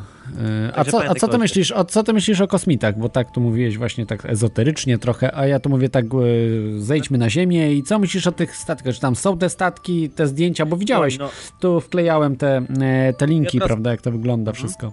Słuchaj, teraz połączę pu- punkty mojej opowieści, czyli zacznijmy od starożytnych Sumerów. Czyli Boga Anuki, czyli e, przybyszów z kosmosu, który, którzy stworzyli jako ludzi, stworzyli nas i e, tchnęli, że tak powiem, swoje myślenie i swoją świadomość w, w nasze herlawe ciała, dzięki temu powstali ludzie, bla, bla, bla. Cała legenda o stworzeniu człowieka co ma chyba 12 tysięcy czy 15 tysięcy lat nawet, sumeryjskie legendy. Znaczy legendy, opowieści są właściwie takie dosyć konkretne opowieści, bo ciężko nazwać legendą em, wiedzę, o, o mm, astrofizyce, którą nie wiem, której my nawet jeszcze nie mamy no, chyba do końca. I, em, i wygląda na to, że, że właściwie przy, obok w tych legendach, w tych legendach Sumerów planeta, która wybuchła, którą sobie wysadzili w powietrze musieli przylecieć na Ziemię i tak dalej, i tak dalej, znajdowała się właśnie pomiędzy tymi dwoma gigantycznymi olbrzymami, bo w ogóle to, to są nazywane jako, e, jako największe planety przez, e, przez Sumerów jako największe planety w naszym Układzie Słonecznym. Dwa olbrzymy. I e, pierścienie, że pierścienie Saturna tak naprawdę są, nie wiem, czymś w rodzaju chyba statków kosmicznych, no bo w opowieści jest jasno napisane, że e, jak się czyta się kaka, ale pisze się gaga, czyli kaka, czyli ten posłaniec przyleciał, e, e, ten posłaniec wyruszył z u- Saturna uprzedł, że, że, że, że zostanie, że kultura zostanie zmieciona, że następnie wybuch i tak dalej, i tak dalej, i tak dalej. Tego typu rzeczy. Czyli ma, mamy pierwszą rzeczą, którą mamy, to mamy kosmitów, którzy ponoć zamieszkują obszary pierścieni, pierścieni Saturna, bo wszy- w legendach Sumerów właśnie stamtąd przylaty, przylecieli kosmici, którzy mówili, że nadchodzi katastrofa. Stamtąd przybył posłaniec z kosmosu, który należał do całych, do tych kosmitów. To jest pierwsza rzecz. Druga rzecz, którą mamy, to mamy e, bardzo ciekawą symbolikę, e, w, która jest w alchemii, a tak naprawdę alchemicy jej nie wymyślili. To jest troszkę o wiele starsza tradycja jeszcze, jeszcze, związa- jeszcze właściwie przed platońskimi bryłami, bo to, się, to jest związane dosyć mocno z bryłami platońskimi. I em, Platon właściwie podobne rzeczy kreślił. A przed Platonem te, e, takie rzeczy kreślono na przykład w Anglii jakieś 2,5 tysiąca lat e, przed Platonem, bo wykopano takie, wykopano w ogóle wyrzeźbione te bryły platońskie, tylko że starsze o 2,5 tysiąca lat od tego, co od, od, od Platona. Także były znane dosyć powszechnie z tego, na, na to wygląda. Jeżeli sobie połączysz ten symbol, czyli te, te alchemiczne symbole e, e, powstawania życia i, e, i utrzymywania tego życia, bo za to, to reprezentują te symbole, to tak naprawdę wyglądają dokładnie jak orbity, jak orbity tych trzech planet, które, które są w naszym układzie sło- słonecznym, które oddziałują na Ziemię. No, że na przykład mamy taką, takie inne drganie, na przykład pole częstotliwości Schumana, a nie inne, bo mamy takie inne planety w układzie słonecznym, które mają taką inną, a nie inną, taki, a nie inny rezonans elektromagnetyczny, że to jest bardzo takie na Ziemi, bym powiedział, taki bardzo rezonans elektromagnetyczny, tak to się nazywa. Em, i, do, I do, to wygląda, że właściwie z tymi kosmitami się bardzo mocno z tobą zgodził, bo właściwie wszystko wygląda na to, że być może są tam kosmici. Zresztą widziałem fantastyczne zdjęcia z e, to NASA, żeby zabawnie udostępniła. Naprawdę gigantyczny statek kosmiczny stamtąd się wyłonił i zniknął na chwilę. To było naprawdę szokujące. No, tych, tych, tych zdjęć, e, czy nawet filmów e, jest, jest więcej, prawda? To, to nie to, że tam jeden tutaj przesłałem, jest, jest tego mnóstwo. E, oczywiście zawsze tam zwalają, że coś tam nie tak i tak dalej, albo, albo ukrywają, prawda, przez retusz, żeby nie było tego normalnie. Widać, że trzeba jakieś triki graficzne stosować, żeby zobaczyć, że to było retuszowane. E, To, prawda? to prawda, zdjęcia z NASA są mocno czyszczone. Nie, No nie, nie, nie widziałem jeszcze ani jednego, Właśnie, no to jest, nie było to czyszczone. jest, to jest po co to robić? Przecież co oni chcą ukrywać, prawda? Czego się boją? Jeżeli... Nie, zdjęcia z lądowania jako profesjonaliście, zdjęcia z lądowania na, na Księżycu pierwszego NASA są e, dla mnie wyglądają na trefne. Jest masa elementarnych błędów. Mhm. Jako po prostu grafik sam po prostu pracuję przy zdjęciach. Także dla mnie, dla, ja tam widzę błędy. Takie dosyć poważne. Tak, tam było więcej, jak, jak e, właśnie będzie audycja o Księżycu, tam dużo, dużo właśnie opowiem o tym, e, bo to jest, to jest, no ja mam swoją teorię na ten temat, ale, ale y, tak, tam jest mnóstwo, rzeczy, które, y, które nie pasują, które są nie, nie, nie takie, jakie być powinny. No E, właśnie, chodzi, ja, ja jeszcze jedną rzecz tak na koniec właśnie Tak? o Saturnie, bo, bo Saturn jeszcze ma jedną taką ciekawą rzecz, to jest Mhm. związane e, to, to e, że tak powiem, e, chrześcijanie przyjęli e, w średniowieczu, wykorzystywali ten niejako, bo Saturn w takiej klasycznej, w takiej pradawnej wierze reprezentuje, e, każda planeta reprezentuje konkretny interwał od już czasów Sumerów, czyli konkretną odległość, konkretne drganie, konkretną częstotliwość, coś konkretnego. Taki bardzo wymierny, jakby paradigmat, taki po prostu, że to jest, ta odległość reprezentuje dokładnie taką cechę na przykład charakteru. Albo coś w tym stylu. I każda z planet ma, e, każda z planet ma, pro, propor- jeżeli zaczniesz wyliczać proporcje tych, tych, em, tych wszystkich planet w układzie między sobą i tak dalej, i tak dalej, to na muzykę, otrzymasz interwały muzyczne. I e, bardzo łatwo jest to przetłumaczyć na, na, na nuty, tylko że musimy wrócić troszkę do średniowiecznych nut, czyli troszkę do niższego strojenia, czyli na przykład jeżeli no, dzisiejsze A używamy 440 Hz, średniowieczne strojenie, tak jak chór w klasztorze na przykład, benedyktynów czy jakoś tak, e, używał strojenia na 432 Hz, czyli o 8 Hz niżej. I dokładnie tego tyczy się tyczy się taki klasyczny opis e, na przykład planet, czyli między innymi Saturna, że, że to jest częstotliwość dokładnie D. To jest nuta D. Sa- Saturn jest D, czyli jeżeli śpiewasz coś w D, robisz muzykę w D, to, to, To po będzie prostu Saturn. bardzo saturnowo, że tak powiem. Okej. No dobrze, dobrze, to ja dziękuję Ci, dziękuję Ci e, Mapecie za to wyjaśnienia te takie troszkę bardziej ezoteryczne, starożytne, tak, złoty podział i tak dalej. To po prostu historia, to taka używana do dzisiaj, tak. bo jak chcesz wbudować rakietę, to Mhm. właściwie też lepiej, żebyś użyła złotego podziału, bo inaczej mo, może nie wytrzymać na prężej na przykład, Mhm. bo to tak wszystko troszkę lepiej działa. Jasne. No to znane także jest w budownictwie, prawda, w architekturze. Jeszcze mogę ci po, jeszcze taką ciekawostkę, a propos taką naprawdę już ostatnią story, że tak zagaduję, bo to jest Mhm. akurat dla mnie jakby najistotniejsze, że mm, słyszana dla nas częstotliwość, bo częstotliwość D, którą emituje na przykład w ogóle jak masz radar, bo to ty nazywasz to ezoteryką, ja bym to nazwał bardzo poważną nauką, bo jak masz na przykład e, radar e, taki, który, radiowy radar, to tak naprawdę nie masz obrazu, tylko dostajesz częstotliwości, spektrum częstotliwości i, i Saturn e, e, Saturn będziesz miał, częstotliwość Saturna jest 147,85 e, Hz. To jest częstotliwość drgania, czyli jeżeli na radarze widzisz coś takiego ustawionym w niebo, to znaczy, że to prawdopodobnie jest Saturn.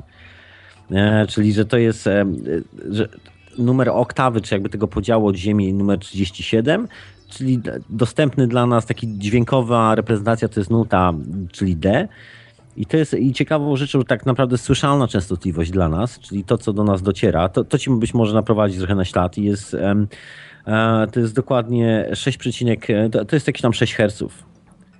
To jest 6,502 Hz, czyli właściwie pomiędzy częstotliwością teta i, i alfa. Czyli to jest moment, gdzie tak naprawdę w, naszym mózgu zachodzi nie sama interakcja właściwie elektrochemiczna. To jest moment, kiedy zasypiamy. To jest moment, kiedy wchodzimy w fazę najgłębszego snu. To jest moment, kiedy tak naprawdę wchodzimy w stany wizyjne. Jeżeli umieramy, to nasz mózg przechodzi przez tą częstotliwość pracy. Jeżeli się rodzimy, to dokładnie przechodzi przez tą samą częstotliwość. I dwa razy na, na dobę, kiedy zasypiamy i kiedy, kiedy się budzimy, nasz mózg przechodzi przez tą częstotliwość. I e, dlatego ta planeta była tak przez starożytnych, że tak uważana dosyć istotną dla, dla, dla nas, dla zrozumienia świata, który nas otacza. Okej, okej, dobrze. To dziękuję Ci, Mapecie, za, za, za, to, za, za te wyjaśnienia o historii e, powiązanej z Saturnem, ale także no, moż, o, można właśnie to odnieść prawda, do nowoczesnych, nowoczesnych, e, nowoczesnej wiedzy, tak jak o rezonansie Schumana chociażby, bo to jest przecież XX wiek, Mhm, prawda? Dokładnie. I tym podobnych rzeczach, które są. Sie, już- siedem, siedem częstotliwości bodajże, tak? Na rezonans Schumana wpływa. Nie pamiętam już, bo Ja nie wiem, nie znam się aż na, Hmm. aż na tym, ale koreluje to z ludzkim mózgiem na 100%. Także dokładnie. to jest rezonans Ziemi, tak. Także, I, I rezonans pracy, i rezonans elektromagnetyczny pracy ludzkiego mózgu i praktycznie każdej, każdej żywej komórki, bo tak naprawdę każda żywa komórka rezonuje na tej planecie, jak wibruje w tej samej częstotliwości. I to jest właśnie ta częstotliwość, która się składa z tych. tak. Okej, okej, dobrze, dzięki, dzięki Zi za ten telefon, trzymaj się. Ja dziękuję bardzo. Pozdrawiam wszystkich słuchaczy i zostaję w nasłuchu. Cześć. Także to był mapet. Dosyć długo rozmawialiśmy, ale bardzo ciekawie. E, Nie wiem, czy wszystko jest prawdą, co mówił, ale mówił bardzo ciekawie. E, Ciężko, ciężko sprawdzić. Tak samo akurat te rzeczy, które ja mówię, no to ja je sprawdziłem na tyle, y, na ile mogłem i, i też możecie sobie sprawdzić, ale nie oczekujcie ode mnie, że będę podawał wam e, wszystko jak na tacy, prawda, że będę dokładnie pokazywał, w którym momencie filmu jakiegoś tam y, będziecie mogli zobaczyć ten efekt, albo w którym, y, w, gdzie dokładnie, na którym zdjęciu będzie ten i ten obiekt. Po prostu wystarczy szukać potem wejść na strony NASA, na strony oficjalnych agent i sobie wyszukać. To wszystko jest. To wszystko jest, tylko trzeba sobie znaleźć samemu, wziąć. Tu wracając jeszcze do Księżyca, prawda, o których mówiłem o tych filmach, to y, zrobię na pewno o tym audycję o Księżycu, bo to jest fenomenalna sprawa, jak to się wszystko ukrywa. Jeszcze powiem wam dwa nazwiska, bo mówiliście o konkrety, ty, że tutaj mówię głupoty, konkrety. Sprawdźcie sobie nazwisko David Williams, co mówił, to jest archiwista e, NASA, dr David Williams, e, e, pracował w Goddard Space Flight Center. I y, szef Apollo 11, znaczy tej y, wyprawy Apollo 11, y, Eugene Kranz, oni właśnie stwierdzili, że y, te, mm, no właśnie to jest jakieś takie mm, taśmy, taśmy pomiarowe, czy jakieś właśnie takie taśmy zapisujące różne rzeczy, takie bardzo szczegółowe, lotu y, zginęły właśnie dotyczące tego e, księżycowych różnych wypraw. Także fenom, fenomenalne rzeczy, to jest ich oświadczenie, można sobie na stronach znaleźć. Oczywiście potem to odkręcano, że się znalazły, że to, że tamto i tak dalej, i tak dalej, i tak dalej. No to jest to jest po prostu wielki spisek, a specjalnie to robią, bo być może y, było tak, że te taśmy to były fałszywe, a tak naprawdę na Księżycu zupełnie co innego było. Tak. Zupełnie co innego. Tam zupełnie co innego sfilmowali, a nam przedstawiono wersję filmową. Czyli de facto po prostu my oglądaliśmy film, tam przez Kubricka, no nie mówię, że przez Kubricka sfilmowany czy coś, a, a de facto zupełnie co innego filmowali, zupełnie, zu, totalnie inne filmy mają. No i dlatego nie mogli zbyt długo kręcić, różnych rzeczy, w jakichś tam różnych studiach i tak dalej, bo by wyszło wtedy szydło z worka, więc dlatego musieli to skrócić.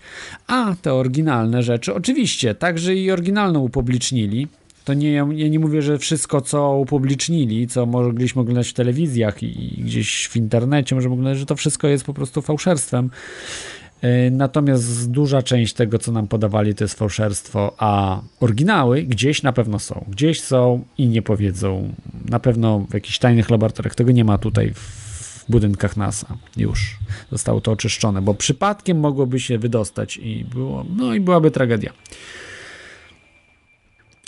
E, ale o tym będziemy mówili, jak będziemy rozmawiali o Księżycu. Także e, to są bardzo ciekawe rzeczy o tym Saturnie e, innych planetach. Właśnie, jeżeli faktycznie tworzą, to po co tworzą? To jest pytanie numer jeden teraz, bo że są obiekty, ja to już dla mnie to jest oczywiste, że te obiekty są inteligentne, które coś robią, prawda? To, jest, to trzeba być naprawdę już naiwniakiem, żeby wierzyć w to, co mówi NASA, inne organizacje, że yy, no wierzyć, no już no, nie ma co, no oni już nawet się nie wypierają tego, no to jest yy, nie wiadomo co, nie wiadomo co jest, no jeżeli nie, nie UFO, to co? No tak, można dalej brnąć w różne, w różne bajki i tak dalej, ale dobranocka się skończyła. Jest godzina 24 i rozmawiamy tutaj poważnie, naprawdę poważnie na różne tematy. Zadajemy pytania, których nikt nie zadaje. Dlaczego chociażby ostatni raz na Księżycu byliśmy 40 lat temu? Tak? Tam jest blisko 300 tysięcy kilometrów. Dlaczego chcemy teraz na Marsa lecieć, gdzie jest, y, nie wiem, 300 milionów, tak? Kilometrów. Może chyba mniej niż 300 milionów, no ale mniejsza z tym. W każdym razie, jak jest, jak jest najbardziej oddalony Mars od Ziemi, czyli Ziemia jest powiedzmy po stronie, e, tak jakby po przeciwległej stronie, to chyba może być za 300 milionów. Nawet więcej chyba będzie wtedy. Do Słońca będzie 300, 160, e, tak, wtedy może być nawet chyba 400 milionów. No mniejsza z tym. W każdym razie, w każdym bądź razie Yy, to jest, to jest naprawdę niepoważne, że, że księżyc odpuściliśmy kompletnie. Ale jak będzie o księżycu, będzie wiadome, dlaczego to odpuściliśmy i musieliśmy odpuścić księżyc, bo tak naprawdę nie należy do nas.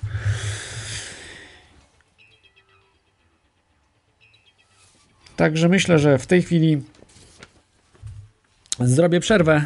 Możecie dzwonić. A, jest, widzę, że yy, mamy telefon. Dzwoni Hubert. Witaj, Hubercie, jesteś na antenie. A cześć.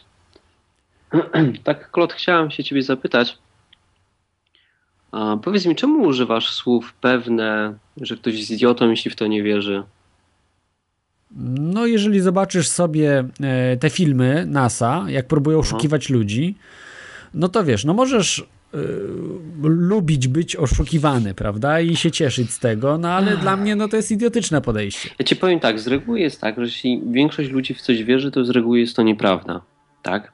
I to z reguły tak jest. I tu nie ma co zaprzeczać, jeśli chodzi o poglądy polityczne, o wszystko. Ja wiem, ale tu nie jest kwestia wiary. NASA A... sama mówi, że retuszuje te zdjęcia. Możesz ja rozumiem, sobie zobaczyć inny filmik. Daj mi skończyć, bo chcę ci coś wytłumaczyć, nie? Dobra.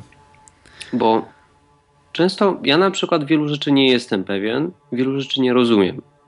E, albo poddaję je wątpliwość. Ale nie jestem niczego pewien, tak jak ty, ale ty mówisz to w ten sposób, jakbyś miał na to namacalne, niepodważalne dowody. Tak naprawdę jedyne co wiesz, to to, że tamta strona, jej argumenty się nie kleją. I na, tym, na tej podstawie budujesz e, przypuszczenia, tak? Ale nie masz na to żadnych dowodów. Masz dowody podważające ich słowa. Ja rozumiem, zgadzam się z tobą i co więcej, uważam, że to, co robisz, jest dobre. Ale wielokrotnie, kiedy zapraszasz gości czy poruszasz tematy, nie trzymasz się faktów, tylko zaczynasz robić sugestie, a potem, jak już masz te swoje jakieś tam e, koncepcje, to mówisz, że ktoś, kto e, nie dostrzega tego, jest idiotą. A ja tak nie uważam, bo ja na przykład nie jestem tak samo pewien tego, co ty mówisz, tak samo jak nie jestem pewien tego, co mówi NASA, tak? Nikomu nie wierzę, ale mówienie, że ktoś jest idiotą, ponieważ e, nie popiera twojej strony jest no ignorancją, nie? Bo ty też się przecież możesz mylić. Oczywiście, że mogę się mylić, ale to nie jest, e, to nie jest moja strona, prawda? Bo to ja nie trzymam że tam czyjejś strony, że ja wierzę w coś i tak dalej. Tu przedstawiam y, twarde dowody, chociażby w tej książce, która jest, można sobie tam na stronie toriachosu.pl, jest tam w jednym linku, ale będzie też, y, powiedzmy tak, to jest piracka wersja, bo oryginalne są drogie, y, ściągnąć. y, Ringmakers of Saturn. I tam są naprawdę porażające rzeczy. I to napisał człowiek, który spędził całe życie pracując dla NASA i różnych tajnych projektów. No i, i jeżeli ja muszę uznać wtedy, że on jest kłamcą, tak? Jeżeli uważam, że y, to, co dzisiaj powiedziałem, jest y, no, naciągane i tak dalej, to Czy jest to możliwe, że jest kłamcą? Y, Możliwe, Mhm. ale przedstawia zdjęcia, które są oficjalne tak de facto i z których wynika jednoznacznie to, co właśnie Czy wynika. NASA przedstawiła zdjęcia na przykład lądowania na Księżycu? Też. I wtedy też mogliśmy powiedzieć, że to jest fakt. Tak, tak, ale teraz wiemy, o Saturnie mówimy, zgadza, prawda? Bo faktycznie z Księżycem yy, jest nawet yy, więcej dowodów na to, yy, co i jak, ale to zostawmy, bo to na, na będzie na audycję z Księżycem. Natomiast o Saturnie, tak jak ta. To było no, nowa rzecz. On przedstawił z lat 80. zdjęcia, tak? Różne zdjęcia, materiały, dane, bo on opiera się na danych. Natomiast to zdjęcie, które ja wam w linku przedstawiłem, to jest w ostatnich latach z tych sąd. I znowu jest to samo fałszowanie, znowu, znowu są te same różne dziwne obiekty. Także to nie, nie jest przypadkiem, prawda, że, że różne rzeczy wychodzą i, i to też nie jest jedno zdjęcie, prawda, bo y, pojawiają się i inne. No, No i dobra, ale wiesz o co mi chodzi, bo ty jesteś, ty postawiłeś tezę, UFO istnieje, tak? Znaczy, że UFO istnieje, no to, to czy, o czym mówimy? Mówimy o kosmitach, prawda? Bo jeżeli No, mówimy o UFO, no to jest na nie o 100%, bo to są obiekty, tak. obiektach, tylko, Mhm. bo to na pewno istnieje, bo jest ich dużo, ale mówisz o UFO, tak? Czyli o kosmitach załóżmy, że o obcej cywilizacji, że ona istnieje i ty to założyłeś i teraz wszyscy, którzy się z tym nie zgadzają, są przez ciebie krytykowani. Y, To znaczy, krytykowanie. Nie mówię, o, że są idiotami, bo to nie. Ja mówię idiotami w sensie takim, że wierzą NASA, bo nie chodziło mi o to, że. Ale ja nie wierzą wierzę to... na przykład NASA, ale nie wierzę też w obcą Okej, cywilizację, to, no to się zgodzę, bo, bo jeżeli ktoś wierzy w te, w te, na przykład, co oni przedstawiają, że to jest ich wersja, prawda, prawidłowa, no, no nie jest, bo tutaj właśnie staram się udowadniać, że nie jest. Ja nie mówię, że akurat to wszystko, co mówię, jest pewne. Natomiast, że kosmici istnieją, no to dla mnie na przykład jest niemal pewne, bo nie wyobrażam sobie, żeby y, te obiekty inte, inteligentnie się poruszające, sam widziałem taki obiekt, byłem świadkiem tego, tego typu manifestacji, że to jest jakieś duchy operują tym, albo jakieś byty, jakieś diabły, anioły. No to dla mnie to jest bardziej absurdalne niż byty, które mogą istnieć tak jak my, prawda? No bo my istniejemy, prawda, jako ludzie. No to mogą inne byty istnieć na wyższym poziomie technologicznym, mogą docierać. Natomiast jakieś anioły, diabły, jakieś No, różne inne byty, to jest takie... Mi, skoro żaden organizm, który my przynajmniej znamy, nie jest w stanie przebyć takiej podróży, tak? Jeśli chodzi na to No, sam a czas. skąd to wiemy? Jeżeli my w kosmos latamy i jakoś ludzie żyją Znaczy chodzi mi tutaj o przemierzenie tak wielkiej odległości, tak? A to tego nie wiemy, no to jest, to jest wiesz, Musieliby takie, podróżować z prędkością ponad, dźwięk, ponad świetlną, żeby tutaj dotrzeć w krótkim czasie. no bakterie na pewno dadzą radę, bo to było testowane w NASA wielokrotnie, więc y, nawet impact, jeżeli na przykład mamy bakterię na mm, asteroidzie, która zderza się z Ziemią, to one potrafią przeżyć. Więc y, człowiek y, z odpowiednią techniką bez problemu by przeżył y, cokolwiek. No ale okres, wiesz, czas podróży byłby przeogromny, No, Tego tak? nie wiemy, jeżeli mamy jakieś tunele podprzes- na, nadprzestrzenne jakieś, czy, czy, czy podprzestrzenne, to jakieś tak się nazywa. No wiesz, to, to, to No technika widzisz, tu nieznana dla cały was. czas To jest, obracamy w kręgu domysłu, dlatego ja nie mówię, ja tego nie wykluczam i wiesz, no ale, ale mówię, wiesz, no jakich domysłów to jest... tak, jako kosmici, no, cywilizacja. 100 lat Tego- temu myśleliśmy w science fiction było, że, na, że będziemy na Księżycu, nie? A wystarczyło 50 lat i jesteśmy na Ale to Księżycu. nie jest takie tak? oczywiste, jak to przedstawiasz. Zdajesz sobie z tego sprawę. No, jest oczywiste dla kogoś, kto ma pojęcie o tym, jak się rozwijaliśmy yy, w historii. Jak to wszystko, wszystko się zmieniało, prawda? Że nie ma rzeczy tak naprawdę niemożliwych w dzisiejszych Nie chodzi o to, że jest niemożliwe podróżowanie na przykład z jakąś tam prędkością, tak, olbrzymią, Mhm. czy na przykład zahibernowania e, tych istot i przetransportowania tutaj. Tylko nie wierzę w to, że po prostu jakieś istoty nas odwiedzają. I nie mówię, że obca cywilizacja nie istnieje, ale mówię, to opieram to na wierze, tak? Dlatego, że tak mi się wydaje, ale ja nie jestem tego pewien, tak samo jak ty tego nie jesteś pewien, że na pewno nas odwiedzają i krytykowanie kogoś tylko i wyłącznie dlatego, że ma inne poglądy, no średnio, nie? To takie, wiesz, No mam prawo, jak krytykują mnie, że jestem idiotą, bo w coś ale takiego ktoś wierzę. tak powiedział? Ja tak nie mówię. No ja wiem, że ty nie, ale większość ludzi tak uważa, Ja więc... też mógłbym, wiesz, powiedzieć, nie zgadzam się z tobą, bo e, gadasz głupoty, ponieważ... To znaczy inaczej podchodzę, że nie uważam, że ktoś, kto nie wierzy, że jest idiotą, tylko ktoś, kto uważa kogoś, że ma inny pogląd, y, to jest idiotą. Czyli taki człowiek zamknięty jest według mnie idiotą, który nie dopuszcza, że może jednak się mylić, prawda? Ja też mogę się mylić, oczywiście, ale no widziałem UFO, widziałem jak to się porusza, więc y, to, to, to nie jest... No ale UFO to nie kosmici od razu, nie? No, zgadzam się, ale y, to co wtedy? Prawda? Więc Wiem musimy co. coś, coś wymyśleć. Co to może być? Są relacje pilotów. O tym wiele razy robiłem już też o UFO y, odcinki. To, to musimy coś postawić, jakąś hipotezę, co to jest. No bo jeżeli nie idziemy dalej, to, to, to się cofamy, więc, więc musimy tak, ale dalej niedawno stawiać nie pytania. widzieli ludzie, co to są skrzaty, tak? E, chodzi mi o zjawisko atmosferyczne, czyli wyładowanie bardzo krótkie na, na, bardzo dużej, Mhm. na bardzo dużą skalę. I ludzie nie wiedzieli, co to jest. Do tej pory nie wiem, co to jest piorun kulisty. E, nie umiemy tego zbadać, więc jest dużo takich rzeczy, których jeszcze nie Mhm. No znamy. proponowałem ci pogadać z wojskowymi. Ja gadałem z pułkownikiem, który zbierał y, tego typu dane, z pułkownikiem Grudmanem. Yy, No, musisz, musisz porozmawiać z ludźmi, którzy, y, którzy mm, no, po prostu spotykali się z tym zjawiskiem. Nie? W sensie takim, że oni bezpośrednio, albo ich bardzo dobrzy znajomi bezpośrednio. Albo nawet uczestniczyli w spisku, bo są tacy, którzy whistleblowerzy, którzy uczestniczyli w spisku, może czy, czy świadomie, czy nieświadomie, w sensie takim, że musieli, prawda? Że zawsze zastanawiam Więc- się nad motywacją, bo ile na przykład u ciebie motywacja. E, Ale wiem, jaka kogo? Jest, tak, ciężko mi ją określić, ale na przykład u takiej osoby, która już jest bardziej znana, ona czerpie z tego jakieś korzyści. Nie mówię tutaj nawet o korzyściach e, finansowych, ponieważ to jest mało istotne u ludzi, tylko e, bardziej się o poczuciu bycia ważnym. Że oni coś znaczą, tak? Wiesz, ktoś to może robić dla szacunku. Nie, no szacunku raczej nie zdobywają. Zapytaj Jak się Zagórskiego oczach na tak? przykład. Nie, no, ale w moich, ale ja jestem mniejszością. Zapy, zapytaj się kogokolwiek, kto się zajmował UFO na poważnie, prawda? Ja, jakie on miał korzyści z tego? Miał same minusy, same minusy. Wyśmianie y, dzieci na przykład, jego był wyśmiewany kompletnie w szkole, on był wyśmiewany. to lubią. Nie, nie lubią, mówię ci, że nie Jak lubią, nie? tylko lubią to. Ja na przykład lubię. No, y, wierz mi, że nikt z nich akurat nie lubi, z którymi tak, rozmawiałem. Nie przeszkadza specjalnie, jeśli ktoś mnie na przykład krytykuje za moje poglądy. No, jak I- będziesz miał dzieci, nie wiem, czy masz dzieci już, Mam ale... psa, ale on się nie przyjmuje No okej, krytyki. jak będziesz miał dzieci, to zobaczysz, co to oznacza, jak będą twoje dzieci wytykane i wyśmiewane, prawda, za to, co robi ich tato. Nie jest to przyjemne i, i sądzę, że też nie będzie ci to, nie byłoby to e, przyjemne.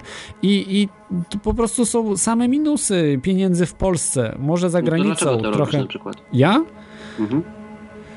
Y, Ze względu na to, że kocham dochodzić do prawdy i nie lubię, jak po prostu kłamstwo się szerzy. Nie? To jest dla mnie najbardziej przykra rzecz. Po prostu trzeba y, mity, niszczyć mity, które są w świecie, no i to mnie pasjonuje.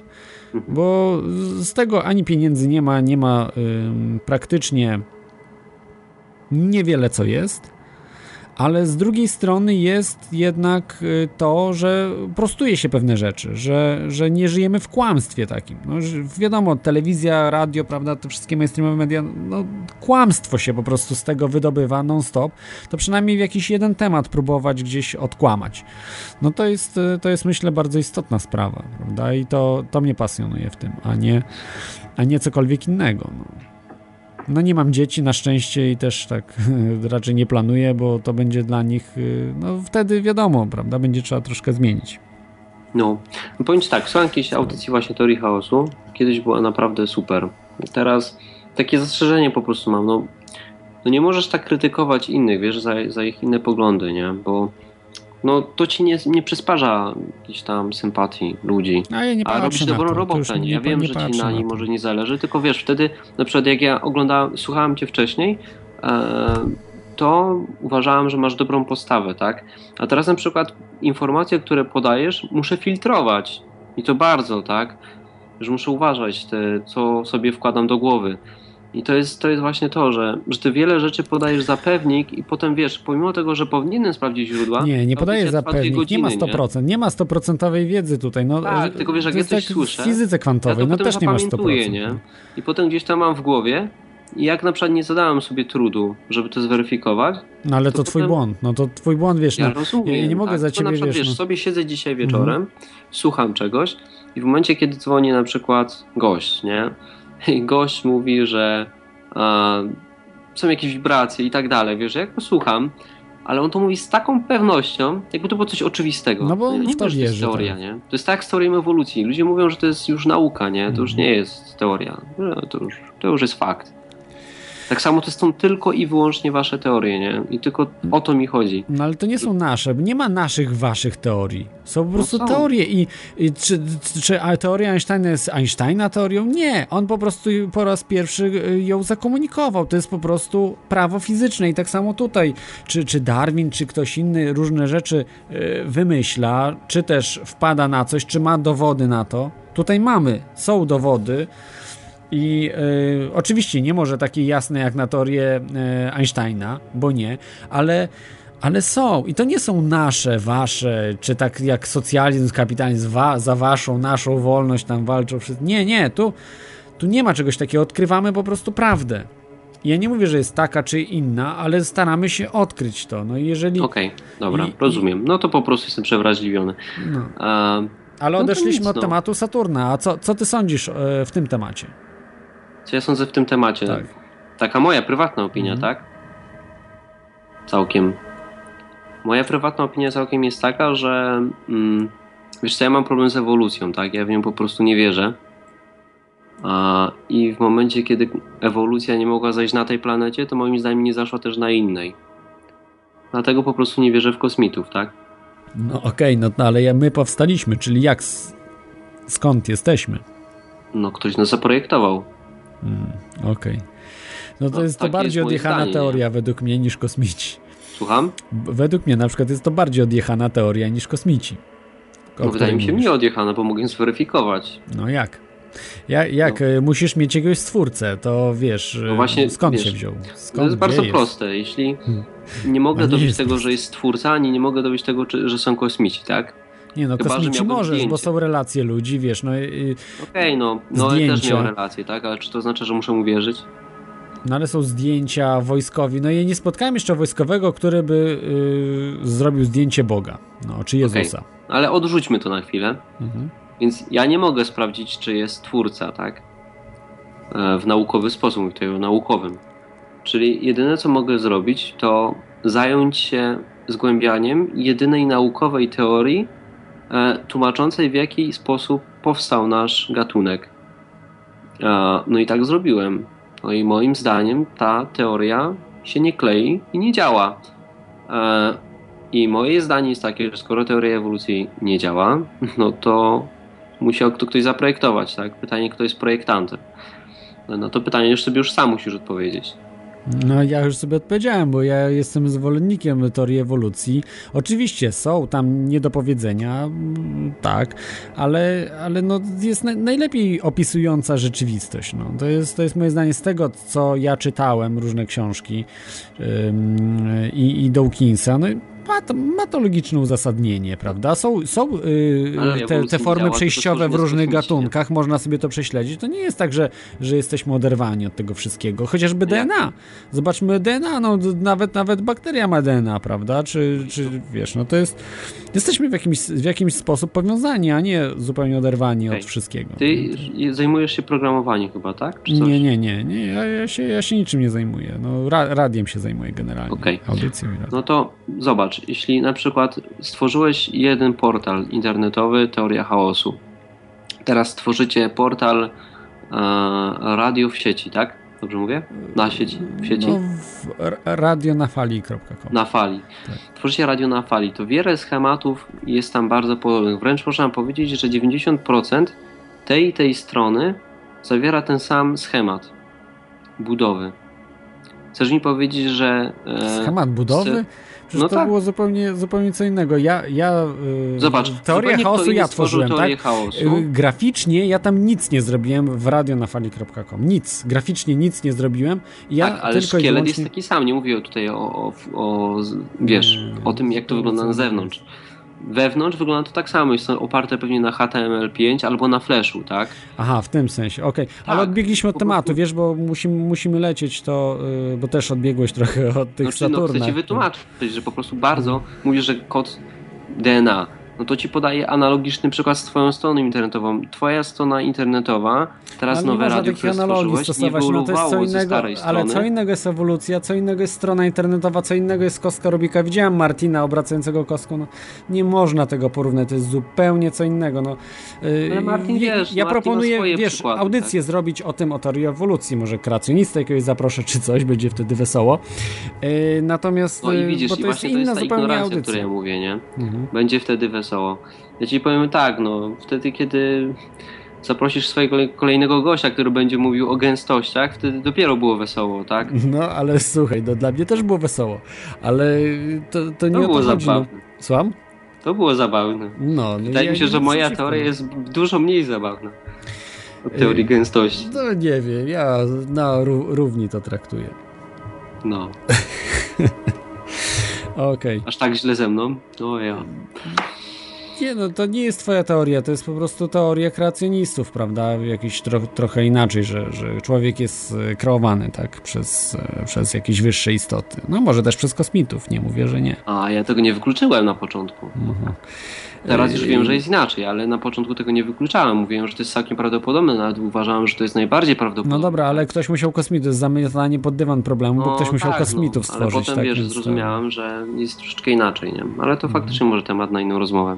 Nie, no na pewno, na pewno. Okej, powodzenia życzę w takim razie. Dobrze, dzięki, dzięki za ten głos. Razie. Trzymaj się, cześć. E, To już tak, mamy krytycznych trochę głosów. Yy, tak, tutaj właśnie jeszcze tam widzę, napisał ktoś, że ale co z Saturnem, chłopaki? Tak, właśnie zboczyliśmy z tego tematu. Yy, Coś tam właśnie piszą, że jakieś dziwne rzeczy, ale na czacie nie widzę nic tutaj zdrożnego, więc niedługo będziemy kończyli. Jeszcze mam o jednej rzeczy y, ciekawej do opowiedzenia. Ale posłuchajcie może e, najpierw e, muzyki, która będzie troszeczkę pasowała do tego całego klimatu. Ja sobie jeszcze prześledzę mm, czata i najwyżej się odniosę. E, No, mamy jeszcze jeden telefon. Dobrze, to jeszcze jeden telefon przed przerwą odbiorę. Halo, słuchaczu, jesteś na antenie. E, Cześć, witam. Witaj. E, Chciałbym się dobić do Clouda. No, jesteś na antenie w tej chwili. Rozmawiasz ze mną, tak, Claude Monet. A, no witam. E, Przepraszam, bo widocznie mam opóźnienie. Y, musisz, wiesz, nie słuchaj, nie słuchaj w radiu, musisz y, tylko w Skype, musisz wyłączyć radio. Będzie problem wtedy. Aha, dobra, już wyłączyłem. Przepraszam za kłopot. E, No w każdym razie e, chciałem powiedzieć, że e, po części się zgadzam z tym, co mówił poprzednik mój, Mhm. e, mm, Hubert chyba, Tak. e, że mm, e, znaczy troszkę mm, narzucasz jakby temat odgórnie, znaczy mówisz, że coś jest takie i takie i właśnie ono takie jest. No, taka audycja jest, taka audycja, niestety. Więc to nie jest naukowa audycja, bo ktoś mi zarzucał, że a, to powinno być jak w jedynce, naukowo, coś tam. No, ale jak widać naukowo jest, że od 40 lat na Księżyc nie latamy, prawda? Więc y, nauka, nauka błądzi e, w dużej mierze. Więc tu jest zupełnie inna audycja, tak? To jest y, Mhm. pseudonauka, nie wiem co chcecie sobie mówcie, prawda? Ale to jest zupełnie co innego i no, no i nie ma tutaj demokracji, tak? Że musi być jak lewą nogę wspomagać, to i prawą. Nie ma czegoś takiego. Aha, rozumiem. No, no, no okej. E, Znaczy ja tam jeszcze chciałem się odnieść do tego e, Saturna, ale już do tego nie będę się odnosić. Nie, nie, no to proszę bardzo, bo to, to jest najlepsze właśnie. O, o Saturnie mieliśmy rozmawiać, a nie jakiś tam jak ma wyglądać teoria chaosu albo o ewolucji, prawda? To zupełnie, zupełnie inne tematy. Właśnie o, najlepiej właśnie o Saturnie pogadać. Co sądzisz w tym temacie? E, To znaczy ja właśnie bardziej chciał się odnieść do tego, bo żeście zahaczyli o temat UFO.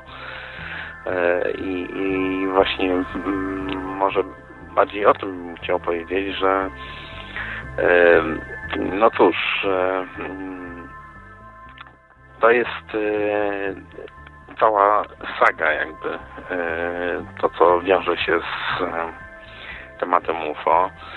E, I tutaj e, właśnie poprzednik e, dobrze powiedział o tym, że w pewien sposób niepotrzebnie wiążesz jakby to z jakimiś takimi te, teoriami spiskowymi, bo być może mamy do czynienia z z czymś innym i No jak? Nie, nie, nie, nie, nie, nie. UFO jest ewidentnie powiązane ze spiskami. Ja siedzę w tym już jakiś czas. Y, Jeżeli się prześledzi wojs wojska, y, te dokumenty, które są od wojska pochodzą, nawet oficjalne, y, whistleblowerów wszystkich, to, to naprawdę są, ty- tylu wojskowych jest sypiących, takich whistleblowerów, że, że to się w głowie nie mieści. No i no, no wiesz, no bo trzeba było zanegować, że, że nie ma spisku, tak, że mm, tu nie istnieje. No, No tak, ale jest- jest tak samo, e, tylu samo, e, e, że tak powiem, sypiących wojskowych, którzy działają jakby w obie strony. Znaczy oni starają się w, w jeden sposób, że tak powiem, za, e, zaprzeczyć, jak i potwierdzić, tak? Także to działa w obie strony. No nie, no nie działa w obie strony. Bo jeżeli mamy mm, na przykład dokumenty, y, które świadczą o tym, że armia się zajmowała, a armia mówi, że się nie zajmowała, no to ktoś kłamie, tak? Albo dokument kłamie, że taki raport to był fikcyjny, prawda? Tak jak SB też y, w Polsce, prawda? Tam dopisywało różne rzeczy, że tam wszystkie, całe archiwa były No, zafałszowane, znaczy, no albo, właśnie, albo kłamała armia. Przepraszam, przepraszam, że ci przerwę, Mhm. bo mówiłeś, że y, rozmawiałeś e, z Grunmanem, tak? Tak, E, znaczy bezpośrednio? bezpośrednio. I co ci powiedział? No i on mówił, że nie widział UFO, tak? Z tego co wiem, ale z tych wszystkich raportów, no to on nie mówił wprost, że to są kosmici, ale, ale mówił, że to, to warte jest badania dalej. Tak, tak trochę sugerował, że coś inteligentnego za tym stoi, ale raczej nie mówił o Bogu. Hm. Po prostu był dyplomatyczny i nie chciał też tam, no bo go z, o, bardzo zjechano za to po prostu y, w środowisku i tak dalej i, i no niech nie, on za bardzo też nie chce się wypowiadać w, w tych tematach. Tak? Więc Ale przekazał ci jakieś dokumenty, czy nie? y, nie, no po, po, y, pokazywał tylko te rzeczy, które miał y, od tych swoich znajomych pilotów, prawda, zbierał, on zbierał w wojsku y, te wszystkie, całą dokumentację. No i y, okazuje się, że mm, był spisek też w polskim wojsku, co Janusz Zagórski udowodnił wiele razy, że y, pomimo, że pułkownik Grunman był szefem ruchu lotniczego y, przez wiele lat, to nie miał pojęcia o różnych rzeczach, które się wydarzały, prawda, w dotyczących sprawach y, UFO y, w Polsce. I to zostało udowodnione, no, y, chociażby sprawa y, majora Makieły No tak. y, które, o których on donosił, prawda? I udało mu się uzyskać te, te dokumenty, gdzie, gdzie na przykład y, pułkownik Grunman nie dotarł do nich i w ogóle nawet nie wiedział, że coś takiego jest, bo nie po, powinien być, był zostać poinformowany o tym, a nie został. Więc to ta, tak naprawdę wszystko były tak jakby dwu, dwukanałowo y, było robione. To jeszcze za czasów komunistycznych, prawda? Więc Tak. Także, także to jest. A, polskie wojsko faktycznie no nie miało, być może miało, być może nie. Niektórzy tam wiem, że Igor Witkowski mówił, że prawdopodobnie była komórka dotycząca UFO. Do spraw UFO i by, być może jest. Co prawda to jest bardzo mała, jakaś tam niewielka y, która coś tam, coś tam zbiera, robi. Y, Natomiast generalnie, jeżeli mówimy o UFO, to są Stany Zjednoczone, prawda? Tam to wszystko się rozgrywa i tam oni mają pieniądze i y, no, tam ten spisek jest bardzo szeroki, bo mają na to pieniądze, prawda? W Polsce nawet samolotów nie mają, y, nie, nie mamy, tak? Nie mamy specjalnych samolotów, żeby gonić. W tej chwili to już chyba nawet nie, nie ganiają, bo nie ma pieniędzy na to, żeby ganiać tego typu obiekty. Natomiast kiedyś ganiano, prawda, różnymi migami. No o tym, o tym mówił Ale- Apoloniusz, Apoloniusz Czernow, tak, generał w tej chwili, y, że, że ganiał tego typu obiekty w Polsce. No tak, no te historie są rzeczywiście e, różne, ciekawe bardzo, znane. E, no ale właśnie, znaczy z tego co e, ty mówisz, to e, wydaje mi się, że e, skłaniasz się ku jakiejś takiej e, właśnie teorii, że są to jakieś obce pojazdy, tak? Można tak to określić. To znaczy, jakby były tylko pojazdy, to nie byłoby problemu, ale są y, relacje ludzi, spotkań z, y, z kosmitami. Y, No właśnie, ale określasz ich jako kosmici. No, nie wiem, może to są i roboty, trudno powiedzieć, ale nie wydaje mi się, że pewna część być może wojskowi się bawią, ale to jest tylko pewna część, natomiast raczej wojskowi robią po prostu, mm, próbują uzyskać informacje o tych, którzy już byli porwani. Powiedzmy, że to jest jakaś gra taka podwójna, ale no ale, ale, ale są porwani nawet y, y, no, o tym, co Janusz Zagórski powiedział, w Polsce. No, w Polsce nawet są, są przypadki takie bardzo dobrze udokumentowane tego typu spraw i tu już nie trzeba nawet do Stanów wyjeżdżać, prawda? W każdym kraju, w każdym kraju na świecie tego typu rzeczy się zdarzają, nawet gdzieś w Afryce, w jakichś, jakichś wyspach, Sri Lance, zupełnie, zupełnie kosmicznych y, w sensie takim, że o bardzo odległych krajach i takich nietypowych. Się wszędzie, wszędzie, wszędzie to wydarza, więc e, no tutaj Ale Mhm. nie myślałeś o tym, że to wcale nie ma żadnego pochodzenia e, pozaziemskiego, tylko to jest, e, znaczy nie w sensie no nie, no jeżeli, jeżeli piloci widzą y, na niebie różne, y, różne y, taką ekwilibrystykę, tak, te tak zwane U-turn albo te Mhm. takie 90-stopniowe skręty, jest niemożliwe, no. Można uznać, że to są y, tak jak niektórzy ufolodzy, że to są jakieś tam z innych wymiarów, coś tam, wyświetlanie, hologramy i tak dalej, no można się bawić w tego typu rzeczy, ale, mm, ale, ale, ale za dużo jest po prostu tego wszystkiego. Jest, są ludzie, którzy brali udział w spisku i o tym mówią, prawda, co się dzieje, że to, jak to wygląda wszystko. No i, i trzeba by No powiedzieć, tak, że wszyscy ale- ci ludzie ale- kłamią, tak, że to nie ma nic z tym prawdy. Ale dlaczego wykluczasz, em, że tak powiem, coś, co wcale nie ma, że tak powiem, fizycznego wymiaru? To znaczy nie wykluczam, ja nie mówię o wszystkich, mówię o części, że za częścią stoją kosmici. Nie wiem, być może są inne wymiary, roboty, jakieś kosmosy, anioły, szatany i tak dalej, może są. To mnie nie obchodzi. Tak jak mówił Stanton Friedman, też z nim gadałem trochę. Yy, to też jego nie obchodzi, jak on mówił. Jego obchodzą te rzeczy, na którymi może się skoncentrować i zbadać je. I te, które tam zbadał, wychodzi, No że, właśnie. że, że są kosmici. No. Są kosmici i yy, ich statki kosmiczne, którymi tutaj docierają. No. Znaczy ja nie wiem nic o tym, aby Stanton Friedman stwierdził, żeby e, to byli kosmici. E, e, znaczy sorry, no. No, Może ja, różne rzeczy żeśmy czytali. Yy, no może, ja z nim gadałem, no i on skłania się. Oczywiście nie ma na 100% pewności na to, ale no coś musi za tym stać, także... Także on, y, nie no, bo on wprost mówi, no przecież na wykładach czy coś, y, wiem, że tutaj jak w Polsce był rok temu, no Mhm. to przecież mówił, że o alien używał słowa, no to no kto? właśnie, to, to no kto to ale jest to- ten alien? To, to, to, E, To jest e, problematyczne, że tak powiem, słowo w języku angielskim. Nie, no już nie przesadzajmy. No On wprost mówił, wprost mówił Stan Wymiar, że to niemożliwe, żeby to byli ludzie, powie- powiedzmy, jakieś tajne projekty czy coś. On sam w tajnych projektach uczestniczył, także wie, jak to wszystko wygląda. To jest niemożliwe, więc y, mówi, że to są obcy, no. Nie mówił, czy to roboty są, czy to są anioły, szatany i tak dalej, ale no, no raczej on nie wierzy w takie sprawy, prawda, jakieś tam niebo, piekło i tak dalej. Bardziej się skłania w tym, że to są, to są tacy jak my, tylko czy z innego wymiaru, czy z innego mm, planet. On uważa, że to z innych planet jest. y, to są, to są istoty i on zawsze, zawsze zresztą tak mówił, nie wiem, no może inne książki czytałeś y, Stantona Friedmana, czy filmy z Nie no, ja wiem, wiem. Jasne. on jeszcze daleko idzie tam, że tam dwa spotki się tam w Roswell, rozumiem, że jeden w Roswell, drugi w Koronie i tak dalej, gdzie na ten drugi nie, nie, nie ma takiej dużej dokumentacji. Natomiast e, byli też świadkowie, na przykład Indianie, którzy właśnie tego kosmitę jednego e, przyjęli. Tak, no takie cieka ciekawe różne rzeczy są. Mhm.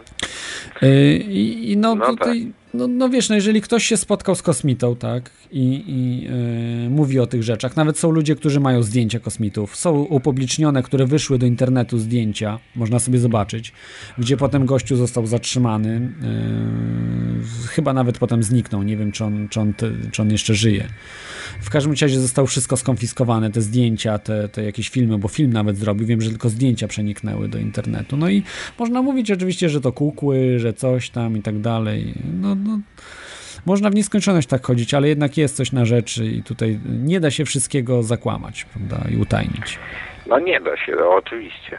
E, tylko e, wiesz, mi zależy na tym, żeby e, jakby te, że tak powiem, badania e, ufologiczne, czy tak, e, że tak powiem, nad e, tymi przypadkami wszelkimi e, były jakoś rzetelnie prowadzone. Znaczy, aby nie było, nie robiono z tego e, nadmiernej sensacji e, i mm, aby mm, właśnie rzetelnie to przedstawiano i mam nadzieję, że w Twojej audycji będziemy... e, Nie, tak nie, nie da się aby- dzisiaj rzetelnie przedstawiać, bo y, i tak media to wyśmieją, tak? Więc y, Nie, ale, ale właśnie są, e, wiesz, niezależne media, na przykład takie jak Twoje.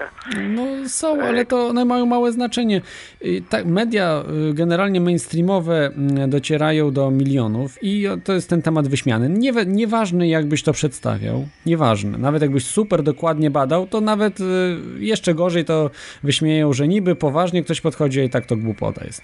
Więc lepiej wtedy nawet y, szokować ludzi, i nie przejmować się, bo i tak prawda zwycięży. Ja uważam, że y, nie, nieważne jak, jak to robimy, ważne, że i tak, i tak y, prawda wypłynie. Nieważne, co nie będą robili. Znaczy ja mam nadzieję, że jednak e, jest e, pewien sposób na to, aby się dostać do e, mainstreamowych mediów i No, mówić o takich rzeczach mocnych, bo jeżeli będziemy mówili o tym, że tam światełko zabłysło gdzieś, to nie ma o czym mówić, ale jeżeli będziemy mówili o tym, że kobieta ma jakiegoś tam w mózgu implanta czy coś i na zdjęciach coś wychodzi, no to jest coś na rzeczy, prawda? Albo będziemy mówili, że na zdjęciach NASA, y, zdjęcia NASA są retuszowane, to też jest coś na rzeczy, prawda? Że y, gdzie są filmy z Księżyca, że y, co się dzieje od 40 lat, dlaczego na Księżyc nie latamy, tylko myślimy o Marsie i nic się nie dzieje. To są rzeczy medialne, które mogą się przebić, bo no nie można mówić o światełkach, że tam jakiś rolnik coś zobaczył na... Muszą być materialne dowody, które możemy zobaczyć, prawda? Stwierdzić. No rację, tak. A, a jakieś zdjęcia tam światełka, wojskowych na przykład, prawda? Wychodzi taki wojskowy i on jest y, 50 razy bardziej wiarygodny, taki y, generał Czernow, który ganiał UFO, niż y, 50 czy 100 ludzi, którzy zobaczą naraz UFO. Prawda? Oni, to wtedy i tak będzie wszystko wy, wyśmiane, pomimo, że 100 ludzi widziało, tak? Obiekt, y, który na, nawet kosmita by wyszedł. Czy ktoś by im uwierzył? Nawet jakby film No nakręcili, właśnie, no, to no też to nie. jest wiesz, problem e, wszystkich osób, które się zajmują tym i, e, i tu jest kwestia właśnie tego, w jaki sposób jest to odbierane, e, że tak powiem, przez e, mm, odbiorców, tak, czytelników czy mm, słuchaczy.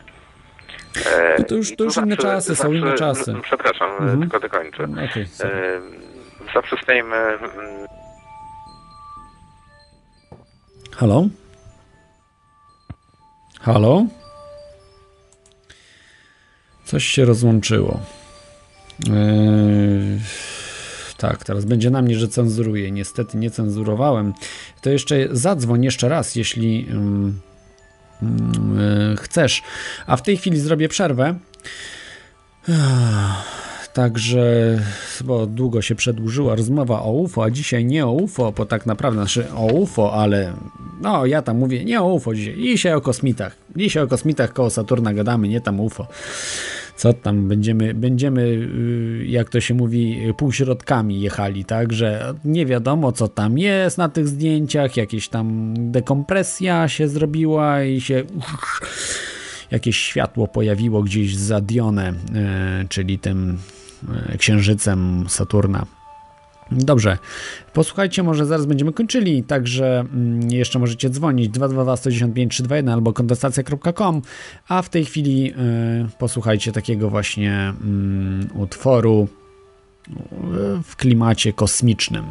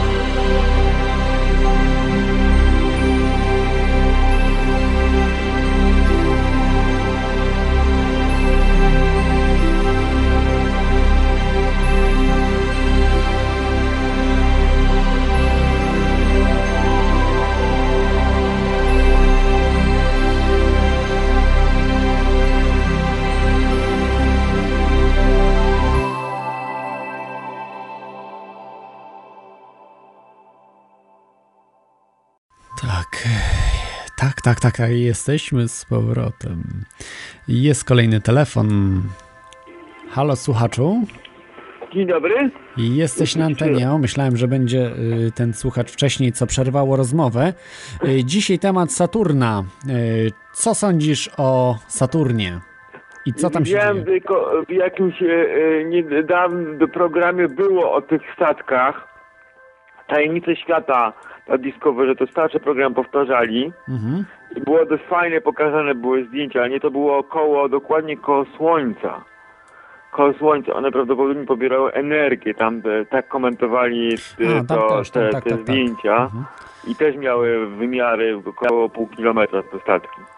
A nie, to tamte miały dużo więcej, tamte miały koło tysiąca nawet, y, setki kilometrów, a te to E, To, to, to tylko koło tego, ale chciałem Mhm. też jeszcze powiedzieć, e, to o najnowszy NEPS e, załapałem, że odkryli astronomowie w odległości 20 około 20 paru lat świetnych e, planetę wie- wielkości prawie Ziemi i są pewni na 55%, że na tej planecie jest ciepła woda, w stanie ciekłym. O, no, E, Dobre. No, i, I coraz więcej astronomów mówi, że, że na planetach jest, nie mówią na razie o inteligentnym życiu, tak, tak, tylko tak, że życie jest. oczywiście, że na planetach. bakterie, że bakterie są. E, e, życie, jeżeli to wola, to jest życie i coraz więcej to mówi. To jest tylko kwestia czasu, jak zaczną mówić o bardziej o rozwiniętych formach życia. No boją się, boją się o tym mówić, bo to wtedy my będziemy tak jakby mrówkami w stosunku do takich na przykład w, w, w, bardzo wysoko rozwiniętych cywilizacji, to my będziemy takimi robakami, nie? Czy czymś, no to źle, Jeszcze, źle o jeszcze sobie jedna rzecz, tak. e, co już przeszedł program e, po e, starożytnych kosmitach, co idzie na historię, to już jest druga jakby seria, był program dwuczęściowy Nauka i kosmici. To było super. Z 2006 był program. Na przykład był opowieść e, świadków i się naukowcy sprawdzali, jak to działa. I to, co ja sugerowałem w swoich rozważaniach, że statek musi mieć e, kontrolę grawitacji, napęd nadświetlny, czyli na, napęd warp, to już było w kilku programach, nawet astronomach, astronomicznie było trzech, był omawiany. Jest to wzór, który e, według tego wzoru jest to wykonalne. Prawa fizyki tego nie zakazują. I to w Mhm. kilku programach było, o astronomii było, o podróżach kosmicznych, zawsze na końcu było, był jakiś statek, e, e, roz, kształtu, jak w filmie Star, Star Trek, że on musi być do tego wzoru, że on musi być okrągły. Z tego musi być, z tego wzoru wychodzi. I nawet powstała nowa, nowe jakby wyliczenia wykorzystujące tachiony. Według tych wyliczeń znacznie mniej potrzeba energii, żeby napędzać statek. To jest tak zwane, nazwali to niskoenergetycznym napędem nadświetlnym. To w innym programie było fa- fajnie, fajnie, fajnie albo w tym programie to był... Halo? Tak, tak, tak, tak, jesteśmy. E, e, W tym programie to on był dwuczęściowy. Był tak, napęd, osłony były omówione, maskowanie statku było omówione, teleportacja. Teleportacja była omówiona. E, Bardzo ciekawe, to jak mówię strony technicznej, te, w ogóle takiego programu to nie, nie było w ogóle od ilu lat w tych programach się, e, nauko, pro, popularno-naukowych się film dokumentalny pod tym względem e, technicznym, jakby ten teoretycznie mógł działać. Mhm. To był po prostu super, dla mnie to było super. Z 2006 roku był program.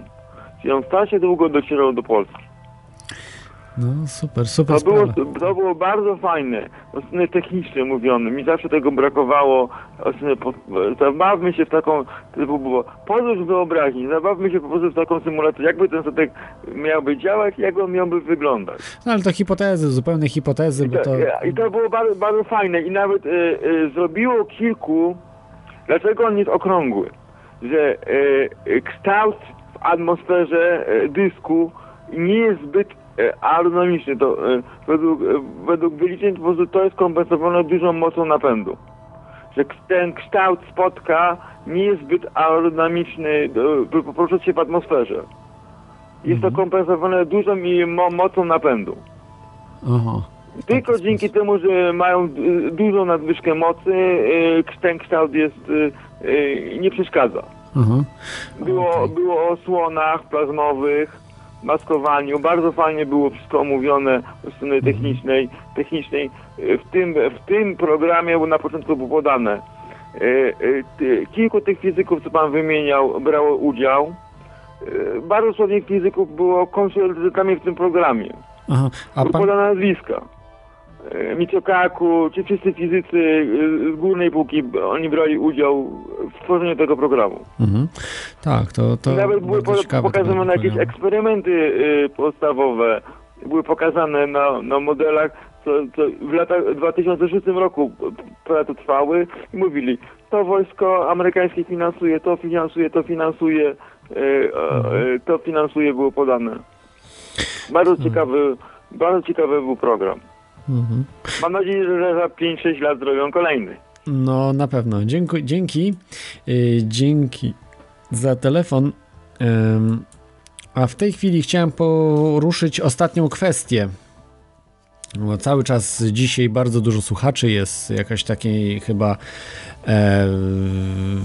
bardzo temat nośny, prawda? Saturn, e, kosmici. Zawsze się kojarzy, prawda, z kosmici. Ziemia tutaj, UFO porywają, tutaj biorą promieniem do spotka i już niestety człowiek ma chipa, prawda, gdzieś tam w ciele i jest już kontrolowany, i jest już wcięcie, tak jak mówi ksiądz Natanek, jest już wejście. A tu nie, a tu daleko, a tu daleko od Ziemi, prawda, Saturn i to jeszcze jakaś taka planeta masońska, prawda, Saturnalia, te, te, te, te wszystkie, y, kult Saturna, y, który wyznaje na przykład rodzina królewska Wielkiej Brytanii, wyznaje kult Saturna, jak sobie prześledzicie. Ale to już zupełnie na inny temat. Chciałbym powiedzieć o jednym y, takim nietypowym człowieku, John Leonard Wolson. Kto z was wie, ale zanim do niego przejdę, to jeszcze telefon jest. Odbiorę Oskara. Witaj Oskarze, jesteś na antenie. Wyłącz proszę y, radio. No ja wyłączyłem, tylko muszę trochę ścisz, bo jeszcze mam głośniki, bo tutaj Tak, tak, pro, proszę wyłączyć, żeby nic nie było słychać. Jak w Radiu Maryja musi być. Cisza. Tak jest. No ale słyszę chciałem niestety jest. Aha, okej. Dobrze jest, czy jeszcze źle? Test, raz, dwa, trzy. No, powiedzmy, może być. Ujdzie. No. Ja chciałem powiedzieć, że e, oczywiście jest, jest teoria, znaczy jest, jest spisek, jest, zgadzam się z tym. Choć ten spisek nie, niekoniecznie NASA musi UFO? zahaczać o, o UFO, które zresztą też może być. Ale ja myślę, że spisek y, tutaj to są achleje finansowe niestety. E, przypuszczam, że NASA wypompowywuje ogromne pieniądze z budżetu Stanów Zjednoczonych pod pretekstem tego, że wysyłają gdzieś tam statki kosmiczne, a robią mistyfikację filmy, filmy na komputerach, prawda, czy y, fotomontaże. To już daleko E, idzie. że w ogóle te pieniądze zostały wykorzystane realnie, a tak naprawdę gdzieś zostały tylko w, w, wyprowadzone. E, Przy tym wszystkim im całkiem na rękę jest to, że się pojawiają jakieś e, wycieki niby, że coś tam gdzieś zostało zauważone w kosmosie, kiedy tam coś chodził w kosmosie, e, że tam jakaś sonda coś zaobserwowała, e, podczas gdy e, pewnie te zdjęcia z tych sond e, tak naprawdę to są sfabrykowane e, i, ta sonda tak naprawdę nigdzie nie poleciała. E, Może spadła gdzieś do oceanu, e, pudełko jakieś wyszczelili. E, I, i, I to jest odnośnie tego. Natomiast co do, co do tego, czy na Saturnie może być na przykład jakaś tam fa, e, fabryka e, złota, czy, czy też e, kamień filozoficzny, no oczywiście, że może być i jest to całkiem prawdopodobne. Myślę, że w ogóle Saturn może być w, ca, w całości ogólnie kamieniem filozoficznym, a złoto może tam powstawać w naturalny jakiś tam sposób. Może też działać UFO oczywiście, które jest możliwe, że, że, że istnieje. Tak, tak mi się wydaje. No. Co, do, co do tego, czy fruwają spotki gdzieś tu po ziemi, no pewnie, że fruwają. Ja kiedyś dzwoniłem do ciebie, że w tej sprawie, że, że znam Mhm. kilku, kilku, kilku osób, które, które widziały takie dziwne z, zdarzenia. No i myślę, że dlaczego mieliby kłamać, że coś tam zobaczyli, nie? No tak, tak, to jest... Nie wiem, nie wiem jak, się, jak się zapatrujesz na takie moje spojrzenie na, na tą całą sytuację. Wiadomo, że żyjemy w Z świecie połową się zgodzę. A NASA jest, NASA, jest, e, NASA jest instytucją państwową. Jak wiadomo, e, u- urzędniczych i państwowych instytucjach jest pełno takich sytuacji, kiedy się e, chodzi o wypompowanie pieniędzy właśnie z budżetu i, i, i zrobienie czegoś, co wydaje się bardzo potrzebne, a tak naprawdę jest to zupełnie zbędne i tylko gra na to, żeby gdzieś tam no to, jest tak jak walka z globalnym ociepleniem, prawda?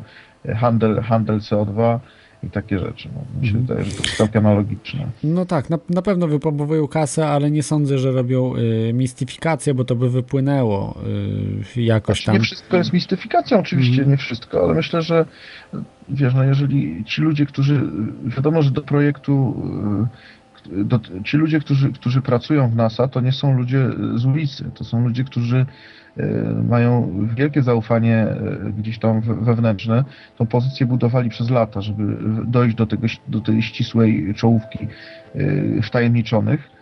E, I oni tak samo są wynagradzani z tego z tytułu, przecież oni właśnie to oni zarabiają na tym, że, że, że, to NASA, że ta NASA działa, nie? Tak, no i niedopuszczani, bo tam są y, prawa dostępu, prawda, do różnych rzeczy, że jak nie masz, twoja plakietka nie ma odpowiedniego y, tego, y, no, jak to się mówi, poziomu bezpieczeństwa, prawda, czyli, czyli, czyli tego dostępu, to, to cię nie wpuszczą nigdzie i możesz być na przykład pracować w jednym budynku, ale do innych już innych, czy nawet na wyższe piętra ciebie nie wpuszczą, bo to nie jest tak jak w jakiejś na przykład wyobrażacie sobie w waszej firmie, czy w szkole, czy ten. Tam jest wszystko pod kontrolą, tam są ludzie, y, strażnicy wszędzie y, w takim NASA i nie wejdziesz, bo jest gość z bronią, czy coś, no i co zrobisz? No nic nie zrobisz, Co po więcej- prostu nie wejdziesz. Co więcej, ci goście z bronią e, sami w sobie też nie są zwykłymi ludźmi, bo oni też muszą mieć odpowiednie uprawnienia. A oczywiście, tak, tak. I w zależności od tego, co czego pilnują, na którym poziomie. Wiadomo, Tak. że, Mhm. że, że strażnik, który pilnuje najwyższego poziomu, sam musi mieć dostęp do tego poziomu, bo, bo nie wpuszczą kogoś z niższego poziomu, żeby pilnował najwyższego, nie? Mhm. Tak, to znaczy, bo to jeszcze jest y, strażnik, y, prawda, pilnuje poziomu, ale jeszcze jest dostęp do, no, są tam różne, e, ró- różne te poziomy, także to się tak, e, także to się tak robi. No, zobaczymy. To chyba raczej tak właśnie o NASA, to myślę, że e, połączymy y, z audycją o Księżycu i o tym, co tam się dzieje, bo to jest, to jest... No, no Księżyc tutaj jest dobrym przykładem właśnie, bo tak, tak, bo, bo e, na, na, na, na Saturna to tylko sondy gdzieś tam wysyłają, prawda, do raz na ile to tam. No tak, na ale, Księżycu, ale właśnie tak. z tym zdobyciem Księżyca przecież jest ca, cała afera była przecież ładnych parę lat temu. E, Nawet e, w Fokusie chyba z 10 czy 12 lat temu było zdjęcie z Księżyca pokazane, co na tym zdjęciu jest sfałszowane. I, i, I że dowody na to, że to zdjęcie jest tak naprawdę wykonane w studio. I, Mhm. i, i, I że to tak naprawdę nie wiadomo, czy oni byli na tym Księżycu. No tak, ale to byli. nie przesądza, że nie byli, bo mogli być, a sfałszowali po prostu zdjęcia. Mhm, tak. Oczywiście, że nie przesądza, i- jednakowoż zdjęcie y, jest masę nieścisłości, y, no, które, które świadczą o tym, że to zdjęcie może być wykonane właśnie w studio, a to, a to z kolei znowu też byłoby e, świetnym przykładem tego, że NASA tak naprawdę e, wzięła pieniądze, prawda, od Kennedy'ego wtedy na projekt e, kosmiczny, e, żeby polecieć niby na Księżyc, a tak naprawdę zrobili, zrobili prawda, parę zdjęć e, tajnych e, w studio, pokazali światu, że, że zdobyli Księżyc, a, a, a kasa wypłynęła gdzieś na tajne konta, prawda, e, ludzi z NASA.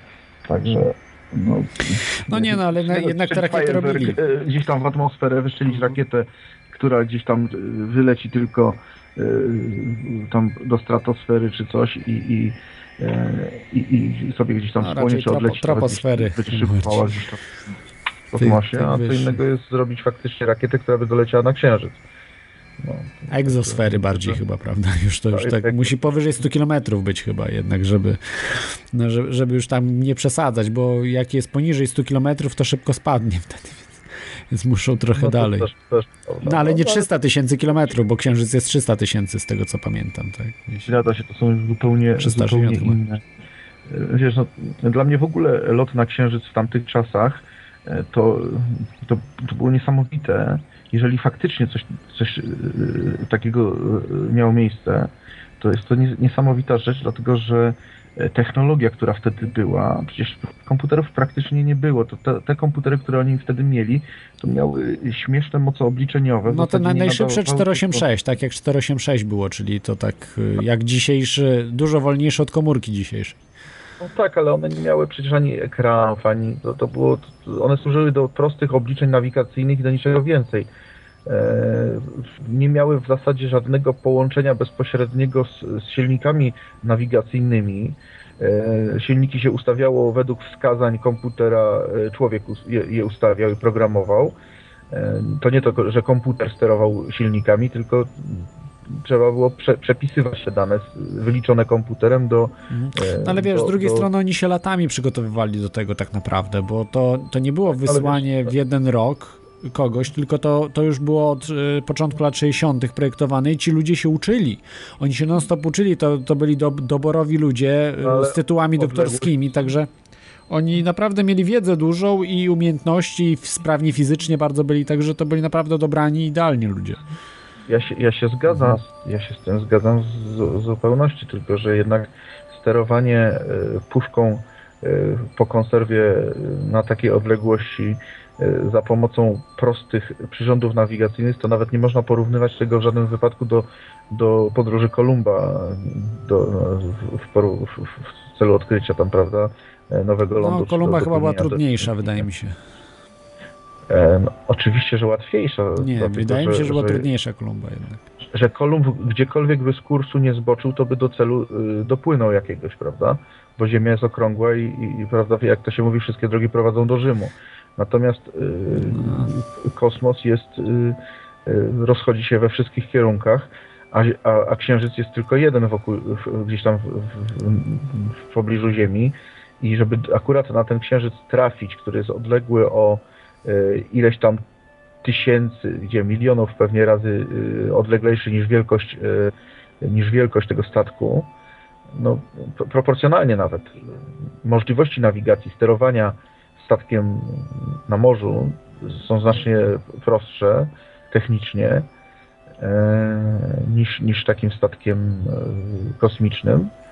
E, I, i, i, i- też to, że, że ten cel jest tak bardzo skupiony w jednym miejscu, a jednak Kolumb no, no, jechał prawda, na, na nawigacyjnych jakichś tam przyrządach, no, może bardzo prostych, ale, ale mimo wszystko skutecznych i używanych przez setki lat. E, ale ten jego cel był y, w zasadzie, no, jakby go gdzieś tam zwiało trochę w którąś stronę, to i tak by y, gdzieś tam dopłynął, prawda? A tutaj nie ma czegoś takiego. No, wiesz, zboczysz z kursu troszkę dalej, to cię wyrzuci gdzieś w, w głęboki kosmos i nie wrócisz, do widzenia, nie? No A tak, no, ale okazuje, u że Kolumba też było podobnie. 16 czy 18 tych y, statków i praktycznie y, każdy... Y, Nie, u Kolumba chyba były doleciał. cztery, tak? Czy trzy u Kolumba? E, no nie, nie, o, u Kolumba to 4, ale ja mówię, ale ja mówię Aha. o kosmosie. Przecież Aha. tych misji Apollo to było chyba z 18 albo i lepiej. Yy, nie, nie, to znaczy Apollo, te, które na Księżyc dotarły, było sześć. Oficjalnych sześć oczywiście, bo kiedyś powiemy sobie o nieoficjalnych i dużo ciekawszych. Yy, też Apollo. Tak, ale no, no, no, powiedzmy, no wiadomo, że te, projekty tam im się zapalały kabiny, prawda, mieli nie mieszankę, tylko No tak, było więcej oczywiście tych Apollo, ale y, było sześć, które dotarły na Księżyc, trzynasta nie dotarła, to pechowa, y, to jej nie wliczam.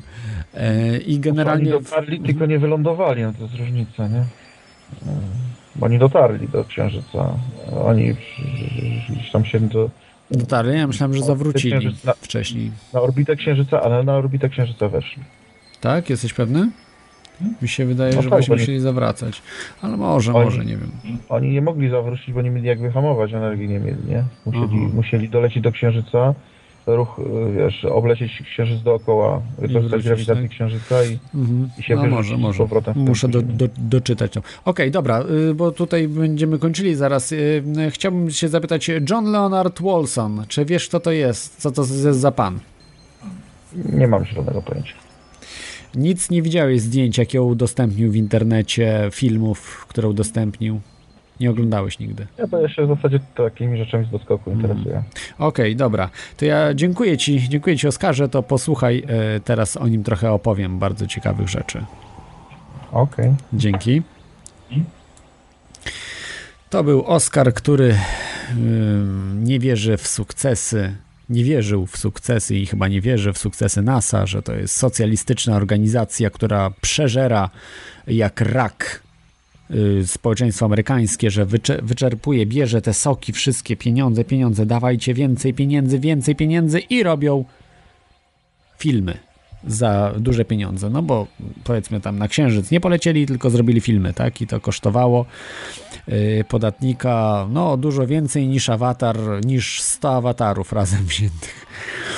Yy, Także najdroższy film świata, tak? Ten na Księżycu. Okej. Yy, Wszystko jedno. Yy, Wracamy do Johna Leonarda Wilsona, który jest osobą, jak on o sobie twierdzi, że dostał przekaz od kosmitów, czy tam kosmici mu powiedzieli, jak ma skonstruować teleskop. Skonstruował teleskop, y, taki y, z podłączeniem do CCD kamery, czyli takim cyfrowej kamery, i dzięki temu kosmici mu tam poradzili, jakieś tam soczewkowanie grawitacyjne, tam cuda nie widy, nie wiadomo, nie ujawnił dokładnie jak może obserwować różne rzeczy, które są na orbicie ziemskiej, y, Księżycu, innych tam planetach, ale przede wszystkim właśnie różnych statków, czyli takich czasami jak satelity widzicie, prawda, że po niebie taka satelita leci gdzieś. Taka gwiazdka. No to wiemy, że to jest satelita. Okazuje się, że może niekoniecznie zawsze to być satelita. Może to być jakiś statek. Oficjalnie tylko jedna jest taka gwiazdka, która jest statkiem ziemskim. Jest to stacja Alfa. ISS Alpha, czy tam ISS y, Alpha, jak to tam określają. International Space Shuttle, czyli Międzynarodowa Stacja Kosmiczna mm, Alpha. Okej, a ten pan, John Leonard Olson, filmował mnóstwo innych różnych obiektów, które są z jakiejś innej bajki. Niby podobnie wyglądają do tej ISS Alpha, ale zupełnie to jest co innego. Także, także filmował to właśnie Alfę też udawało mu się filmować w niesamowitej rozdzielczości, jakiejś kosmicznej po prostu, tak jakby wziąć, nie wiem, teleskop Hubble'a, no przesadzam, bo teleskop Hubble'a niby nie może tego filmować, bo on tylko do dalekich obiektów bardziej Jakiś, jakiś bardzo dobry y, teleskop wielkości, nie wiem, no tam kilkudziesięciometrowy, tak, no powiedzmy, no przesadzam, no ale no pięciometrowy powiedzmy y, teleskop jakiś naprawdę optyczny, mocny. On to używa zwykłych domowych jakichś teleskopów przerobionych i uzyskuje tego typu efekty. Czy to jest prawda? No właśnie Jose Escamilla, ten reżyser, który, który zajmował się y, różnymi spiskami, twierdzi, że ten właśnie człowiek istnieje naprawdę i wierzy, że zdjęcia i filmy tych statków są prawdziwe. Większość, wielu ludzi w internecie wątpi to, że, że mm, to znaczy taki człowiek może istnieć, może inne nazwisko nosi, ale że jest oszustem i przerabia jakieś rzeczy. No, trudno powiedzieć tutaj dokładnie, jaka jest, jaka jest prawda, yy, czy, czy jest, czy nie. No, faktem, fakt faktem jest, że te obiekty robi, po prostu yy, są, ma te zdjęcia i ma te filmy. A czy nie robi jak w Photoshopie czy coś, no to już musiałby chyba grafik ocenić, czy to y, faktycznie on to sfilmował, czy to jest, czy to żart jakiś, czy tam może chciał zarobić. No nie sądzę, żeby zarobił, no bo na czym? Tu nie ma na czym zarobić nawet, to może to jest właśnie ta, taki problem, że y, tutaj nie ma pieniędzy, więc mógłby tylko dla żartu zrobić, dla sławy, czy, czy dla, no, dla jaj, żeby było wesoło. A może być to prawdą. I wtedy jest coś ciekawego. Je- Jest też taki y, znany y, whistleblower, haker, chyba jeden z niewielu hakerów, który jest whistleblowerem, bo większość hakerów nie dociera do niczego. On miał chyba wyjątkowego farta, że dotarł do tego, albo miał dotrzeć. Gary McKinnon. On w tej chwili walczy z deportacją do Stanów Zjednoczonych, jest Brytyjczykiem, Szkotem. Mm, I był hakerem o pseudonimie Solo, który dotarł do różnych rzeczy na początku 2000 lat, w 2001-2002 roku. E, W pierwszym, a pie- 2000, 2001 roku. I y, dotarł do informacji właśnie jakichś różnych, y, no różnych ciekawych opowiada i tam dotarł do dokumentu Excela, w którym były informacje o różnych statkach i takie hasło było non-terrestrial officers, czyli nieziemscy oficerowie, nie w sensie, że kosmici, tylko w sensie, że e, którzy po, przebywali poza Ziemią. Przecież takich oficerów nie ma. Więc albo to była jakaś gra, jakaś zabawa, albo faktycznie ten dokument istnieje, zakładając oczywiście, że Gary McKinnon mówi prawdę, ale y, mówi, na pewno się włamał. To wiemy na 100%, że się włamał, dokonał największego włamania do, w historii do NASA, serwerów y, wojskowych i tak dalej. Możecie sobie o tym przeczytać. Grozi mu, nie wiem, tam 30 lat czy ileś y, w Guantanamo, czy w jakichś tam różnych więzieniach w Stanach. I deporta będzie deportowany chyba niedługo, chyba w tym roku już. I teraz czy mówi prawdę, czy, czy, tych, czy widział taki dokument, bo że się włamał na serwery NASA, to jest pewne. No, nie wiadomo. Ja, ja tam wierzę temu Garemu McKinnonowi. Sprawia wrażenie bardzo uczciwego człowieka, w sensie takim, że, że, że, że nie oszukuje, taki trochę jest naiwny mm, i, i myślę, że mówi prawdę. Także tak, żeby się to składało, że są te te statki, które są gdzieś e, na orbitach, może na Marsa latają, może gdzieś właśnie tam na Saturna. Ale nawet jak latają na Saturna, to nie są te statki, bo to są dużo mniejsze, są w wielkości takiej e, bazy tej, mm, tej, tej, tej stacji Alfa. No, stacja Alfa ma ile? Kilkaset metrów? Nawet nie wiem, czy 100 metrów ma, nawet chyba 100 metrów nie ma. No nie, no przesadzam, gdzie tam 100 metrów? No, kilkadziesiąt metrów ma stacja Alfa. Także, także są dużo, dużo, dużo mniejsze. I tego typu właśnie statki są na orbicie i, i, być może tam są ci oficerowie siedzą gdzieś zaszyci, nieziemscy oficerowie. Ciekawe, ciekawe. Także polecam się zapoznać z Johnem Leonardem Watsonem. Ja dodam wszystkie linki, e, co i jak. W tej chwili widzę, że nikt nie dzwoni, no to będę już kończył. Polecam Wam się zapoznać z tym wszystkim, z tymi materiałami, o których mówiłem. Będą linki, jak już też wspominałem. Naprawdę jest to bardzo szalon, szalenie ciekawy temat. Tych książek mnóstwo jest w ogóle o astronomii, tej takiej ukrytej, bo tutaj tylko yy, podałem yy, podałem yy, takie książki dotyczące Saturna i tych takich spisków od strony tej takiej e, ewidentnej, no, ewidentnej może, nie, nie zagłębiającej się w to wszystko.